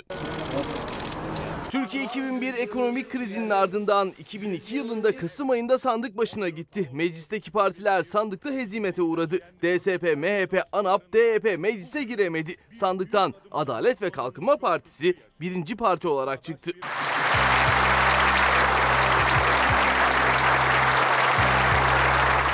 2002 seçimlerine giderken duydu Türkiye Ali Babacan adını. Henüz 30'lu yaşlarında genç bir siyasetçiydi Babacan. 3 Kasım 2002 seçimlerinde milletvekili oldu ve yeni hükümette bakanlık görevine getirildi. Ekonomiden sorumlu devlet bakanı oldu. 5 yıl bu bakanlıkta kaldı. 2007'de ise başka bir rol üstlendi Babacan hükümette. Dışişleri Bakanlığı görevine getirildi. Baş müzakereci oldu. 2 yıl boyunca bu görevde kaldı. 2009 yılında ise Dışişleri Bakanlığı görevini Ahmet Davutoğlu'na bırakarak yeniden ekonomiden sorumlu devlet bakanı oldu. Aynı zamanda Başbakan yardımcılığı görevini üstlendi. Ali Babacan 2015 yılına kadar Başbakan Yardımcılığı görevinde kaldı. 2015 yılında ise Merkez Bankası'nın faiz politikası konusunda Erdoğan'la fikir ayrılığı yaşadı. İstifa ettiği dahi iddia edildi. Konular çok tartışıldıkça risk algısı yükseliyor. Tüm piyasa göstergelerinde yansıyor. 2015 yılında istifa etmedi Ali Babacan. 24 Haziran 2018'deki genel seçimlerde milletvekili adaylığı başvurusu yapmadı. Kurucusu olduğu AK Parti'den ayrılacağı konuşuldu hep. 8 Haziran 2019'da ise resmen AK Parti'den istifa etti ve yeni bir siyasi yola girdi. Bugün, bugün, bugün açıklama yok arkadaşlar. Yakında olacak mı efendim? Olacağı zaman haber verelim. Yeni parti kurma çalışmalarına başlayan Ali Babacan yıllarca birlikte siyaset yaptığı Cumhurbaşkanı Erdoğan'ın da eleştiri oklarının hedefi oldu. Çok içimizden ayrılıp da parti kuranları gördük. Şu anda sorsam adını sanını bilmezsiniz. Bu iş böyledir. Bu tür ihanetlerin içerisinde olanlar bu işin bedelini de ağır öderler. Ali Babacan'ı AK Parti'nin kurucularından olan bir başka isim 11. Cumhurbaşkanı Abdullah Gül de dışarıdan destekledi. Babacan aylarca çalıştı. Partisinin çekirdek kadrosunu oluşturdu. Sıra artık resmi başvuruya ve partinin ilanına kaldı. Şimdi haberi izlerken sizi de ekrana verdik biz. Şimdi Ali Babacan dedik ya ne kadar kiloluymuşum dedi. Ne kadar kilo verdiniz? Ya şöyle diyeyim o güne göre iki beden daha küçük ceket oluyor yani. Biraz spor, Bir biraz beş, biraz yeme içme evet. Bakanlık dönemi tabii çok yoğun, çok stresli bir Bir şey dönem. sorabilir miyim? Şimdi rahatladık yani. İçiniz ne diyor efendim? Ne hissediyorsunuz? Mesela Ali Babacan şimdi siz e, uzun yıllardır tanıyor. Ne hissediyorsunuz bugün? Partinizi kuruyorsunuz. E, Yani çok şükür içimde çok büyük bir huzur var öncelikle. Ve e, Türkiye'nin geleceğiyle ilgili ciddi bir özgüvenimiz var. Açıkçası bu sadece bende değil, bütün kadromuzda var. Ve e, vatandaşlarımız için e, hayırlı bir yola çıktığımıza inanıyorum. Bu ülkenin insanına hizmet için iyi bir yola çıktığımıza inanıyorum. Büyük bir huzur ve rahatlıkla başlıyorum açıkçası. Yani içimdeki duyguyu tek bir kelimeyle ifade etmek isterse herhalde huzur, rahatlık. Şimdiye kadar zor bir dönem yaşadık inanın. Ülkede bu kadar sıkıntı varken bir şey yapamamanın ve sorunları çözmeyle ilgili bir adım atamamanın sıkıntısını çektik. Bir yandan çözümleri görüyoruz ama bir şey yapmıyoruz. Bunun büyük bir vebal olacağına inandık açıkçası. Yani çözümleri görürken sadece bu problemleri izlemeyi üzerimize bir sorumluluk hissettik. Bunu bir ahlaki sorumluluk olarak, bir toplumsal sorumluluk olarak hissettik ve bu yola çıktık. Peki. Şimdi önce bir son dakika bilgisi verelim. Efendim sabah da sizlere aktarmıştım. Daha sonra Ali Babacan'a da sorduk. Doğal petrol fiyatları çakıldı. %25-26 civarında düştü. Altın son 7 yılın rekorunu kırmış efendim. Fakat bu konuda sizin yaptığınız değerlendirmeye bir itiraz var. Gazeteci yazar Serpil Yılmaz ilgiyle izliyoruz diyor. Dedi ki ancak Sayın Babacan bunun Türkiye olumlu yansımasından bahsetti. Koronavirüs ve petrol dünyada kriz dalgası yayılıyor. Türkiye hazırlıklı mı acaba gerçekten bunu sorar mısın diye soruyor Serpil Yılmaz. Hani siz dediniz ya petrol fiyatları çökünce bu Türkiye için öyle. Olumlu. Şimdi bugüne kadar e, tabii açıklanan bilgiler ya da açıklanmayan bilgiler tabii değerlendirmesi zor ama şu anda Türkiye daha az etkilenen ülkelerden bir tanesi. Doğru bu korona virüsünün ekonomik durgunluk olarak Türkiye'yi de etkileme riski var. Ama bizim ekonomimiz petrol ve gaz ithalatı açısından dışarı çok bağımlı bir ülke olduğu için yani her hal ve şartta petrol fiyatlarının düşmesi Türkiye için iyidir. Ha, toplam etkiyi değerlendirdiğimizde yani bunun Türkiye'nin Avrupa'ya ihracatı üzerindeki etkisi nasıl olur? Avrupa'nın iç pazarı çok daralır mı? Avrupa'nın iç pazarı çok daralıp da bizim Avrupa'ya olan ihracatımız düşer mi? Yani bütün bunlar tabii ileriye doğru ayrı hesaplar ama bugünden de hesap etmesi zor konular. Peki. Bugün hesap ede- edebildiğimiz bir konu var o da petrol fiyatı. Bunu ben çarpıp bölüp hesap edebiliyorum. Yani petrol 30 dolara düştüğünde Türkiye'nin Türkiye için bunun ne kadar faydalı olduğunu görüyorum. Ama koronavirüsü ne kadar etkili olacak? Avrupa'nın iç piyasasını ne kadar daraltacak? daralınca bizim ihracatımız ne kadar azalacak? Bunu tabii zaman gösterecek. Geçen hafta ben Ahmet Güneş Tekin var bizim ressamımız, bir sanatçı arkadaşım benim. Onun evindeydik. Yurt dışında işte Türkiye için çalışan birisi, daha doğrusu yurt dışında çalışıyor, finans dünyasında önemli biri. Bize bir takım rakamlar ver. Sorduk da nereye gidiyor diye. Bak dedi, bizim risk primimiz o gün 350 idi. Anlattı. Yunanistan'ın durumunu anlattı. Neden üzülüyoruz biliyor musun dedi. Londra'da görev yapan bir Türk işte. Çok Türkler var ya orada bankacılar falan. Dedi ki dünyada para var. Türkiye'ye gelmek isterler ama gelemiyorlar. Çünkü dedi güvenmiyorlar dedi. İşte o maalesef sizin vurguladığınız bir husus. Musa Evin bir takip ediyor. Bakın diyor ki Sayın Babacan'a sorar mısınız? Eğitim. Eğitim reformu. Sizin en fazla dile getirdiğiniz hususlardan biri. Doğru. Siz hep şunu söylediniz. Türkiye patinaj yapmasın. Orta gelir tuzağını aşsın istiyorsak bir eğitim reformu, iki yargı reformu diyorsunuz Doğru, değil mi? Eğitim. Doğru. Bizim aşağı yukarı 10 yıldır vurguladığımız konular bunlar. Ve 10 yıl önce uyarılarını yaptığımız konular. Hı O hı. günkü bütün konuşmalarıma bakın, o günkü bütün uyarılara bakın. Dedim ki bu sadece ekonomi politikasıyla olmayacak. Türkiye eğer eğitimdeki kalitesini yükseltemezse, Türkiye eğer insanlarını daha iyi yetiştiremezse, bu insanlar daha yüksek katma değer üreten insanlar olmazsa bu ülkenin ekonomik büyümesi yavaşlayacak. Ve bir orta gelir tuzağı riskinden bahsettim. İlk ifadeyi kullanan benim orta gelir tuzağı riski diye. O gün daha bir risk olarak gördük sadece. Aynı inşaat riskini gördüğümüz gibi orta gelir tuzağı riskini gördük ve bunu uyardık. Bakın bunları acil yapmamız lazım. Eğitimle ilgili düzgün işler yapmamız lazım. Mutlaka Türkiye'de hukuk güvenliği sağlamamız lazım. Aksi halde orta gelir tuzağına takılıp kalacağız dedim ki oldu. Biliyorsunuz 13 bin dolara yaklaştı milli gelirimiz ki ben ilk bakan olduğum gün 3500 dolardı. 13 bin dolara yaklaştı bu rakam. Nereden nereye? Bugün işte 8 bin, 9 bin. Bu yıl 9 bini geçer mi bilmiyorum onu göreceğiz zaman içerisinde göreceğiz. Oralarda patinaj yapıp duruyoruz. Mesela kaç olmalı gibi. efendim bizim? Mesela Türkiye'nin bütün şartlarını biliyorsunuz, koşullarını biliyorsunuz.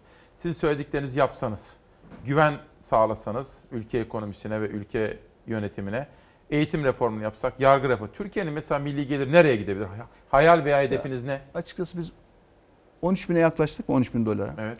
Eğer zamandaki uyarılarımız dikkate alınsaydı, bizim görev alanımızın dışındaki alanlarda gerekenler yapılsaydı, Türkiye'nin dış politikası böylesine bir karmaşa girmeseydi, Türkiye bu kadar dünyanın adeta izole ettiği bir ülke haline gelmeseydi, bugün milli dolarımız 20 bin dolardı. 20 bin.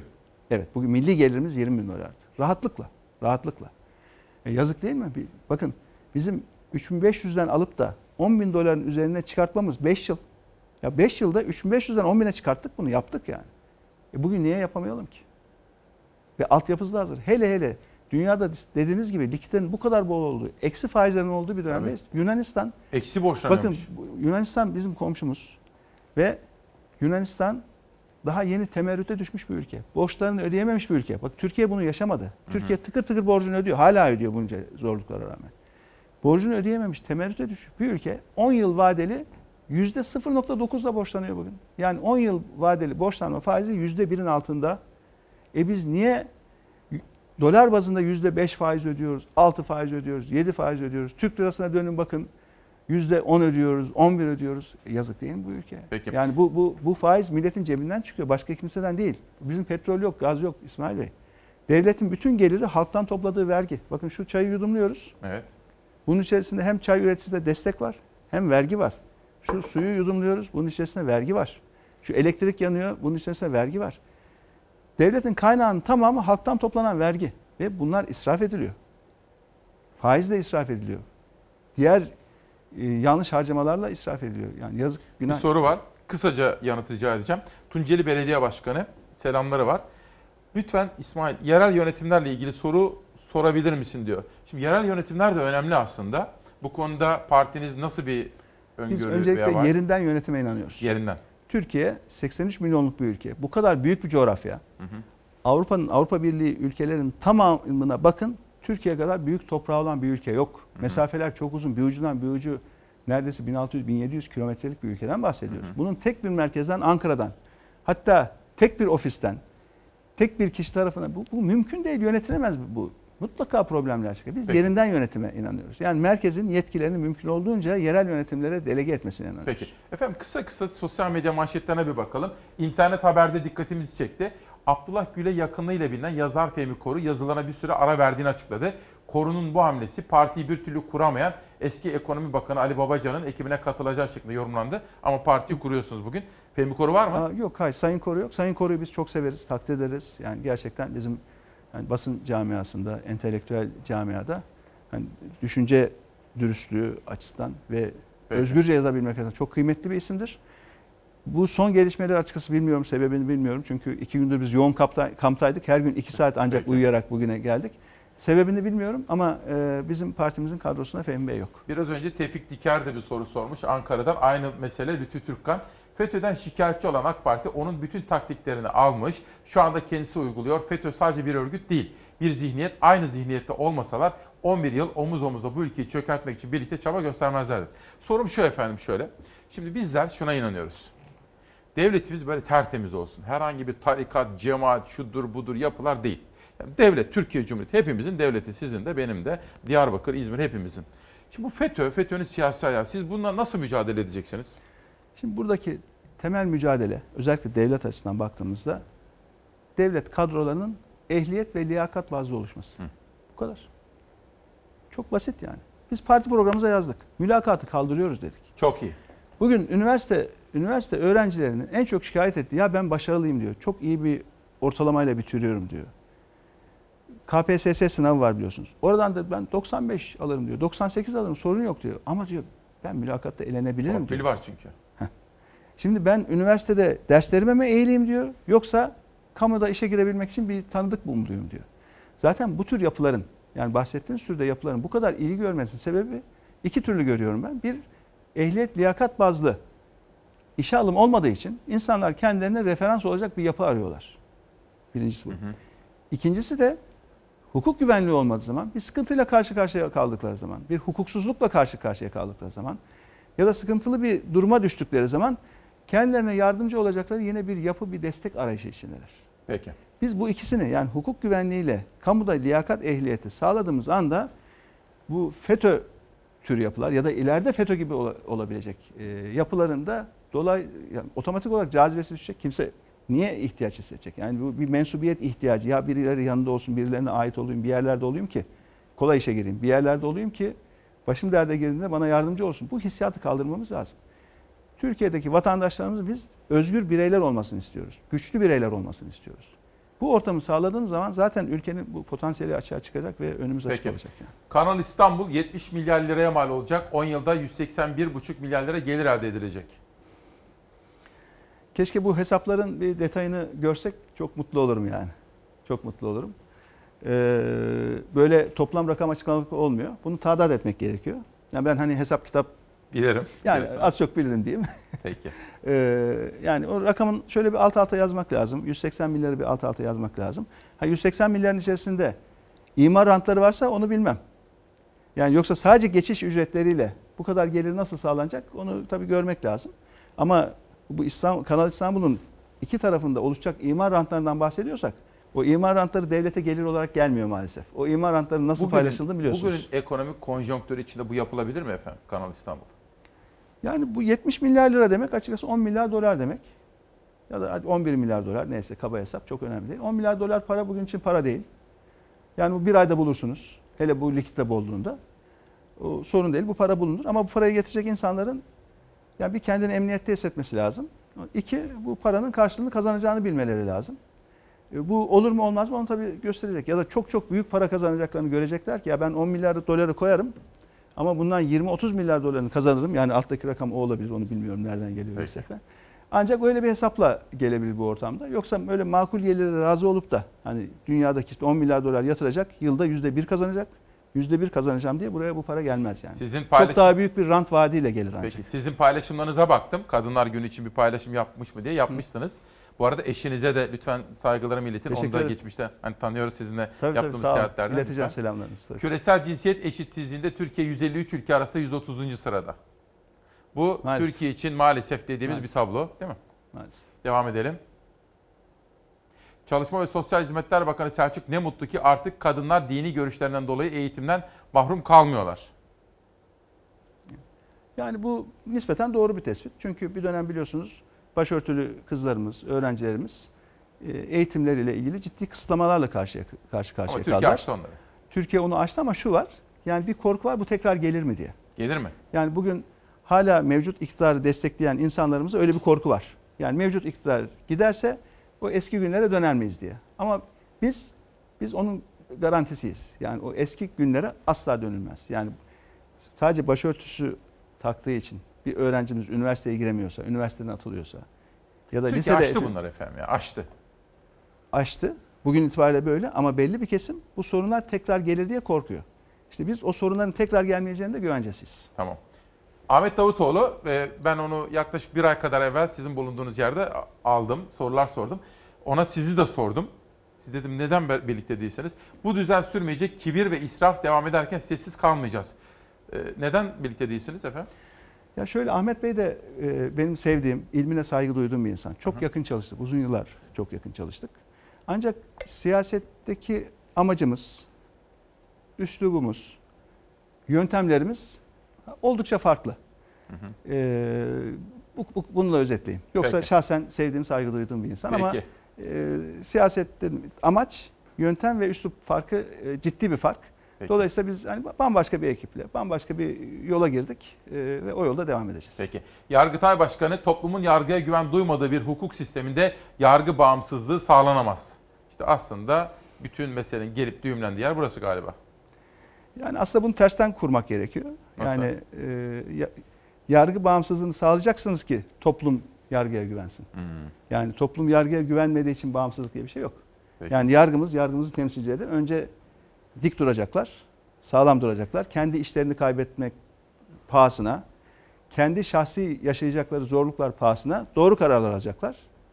Halk ondan sonra yargıya güvenecek. Yani ben o ilişkiyi tersten kuruyorum biraz. Kısaca bir soru sormak istiyorum efendim. Şimdi mesela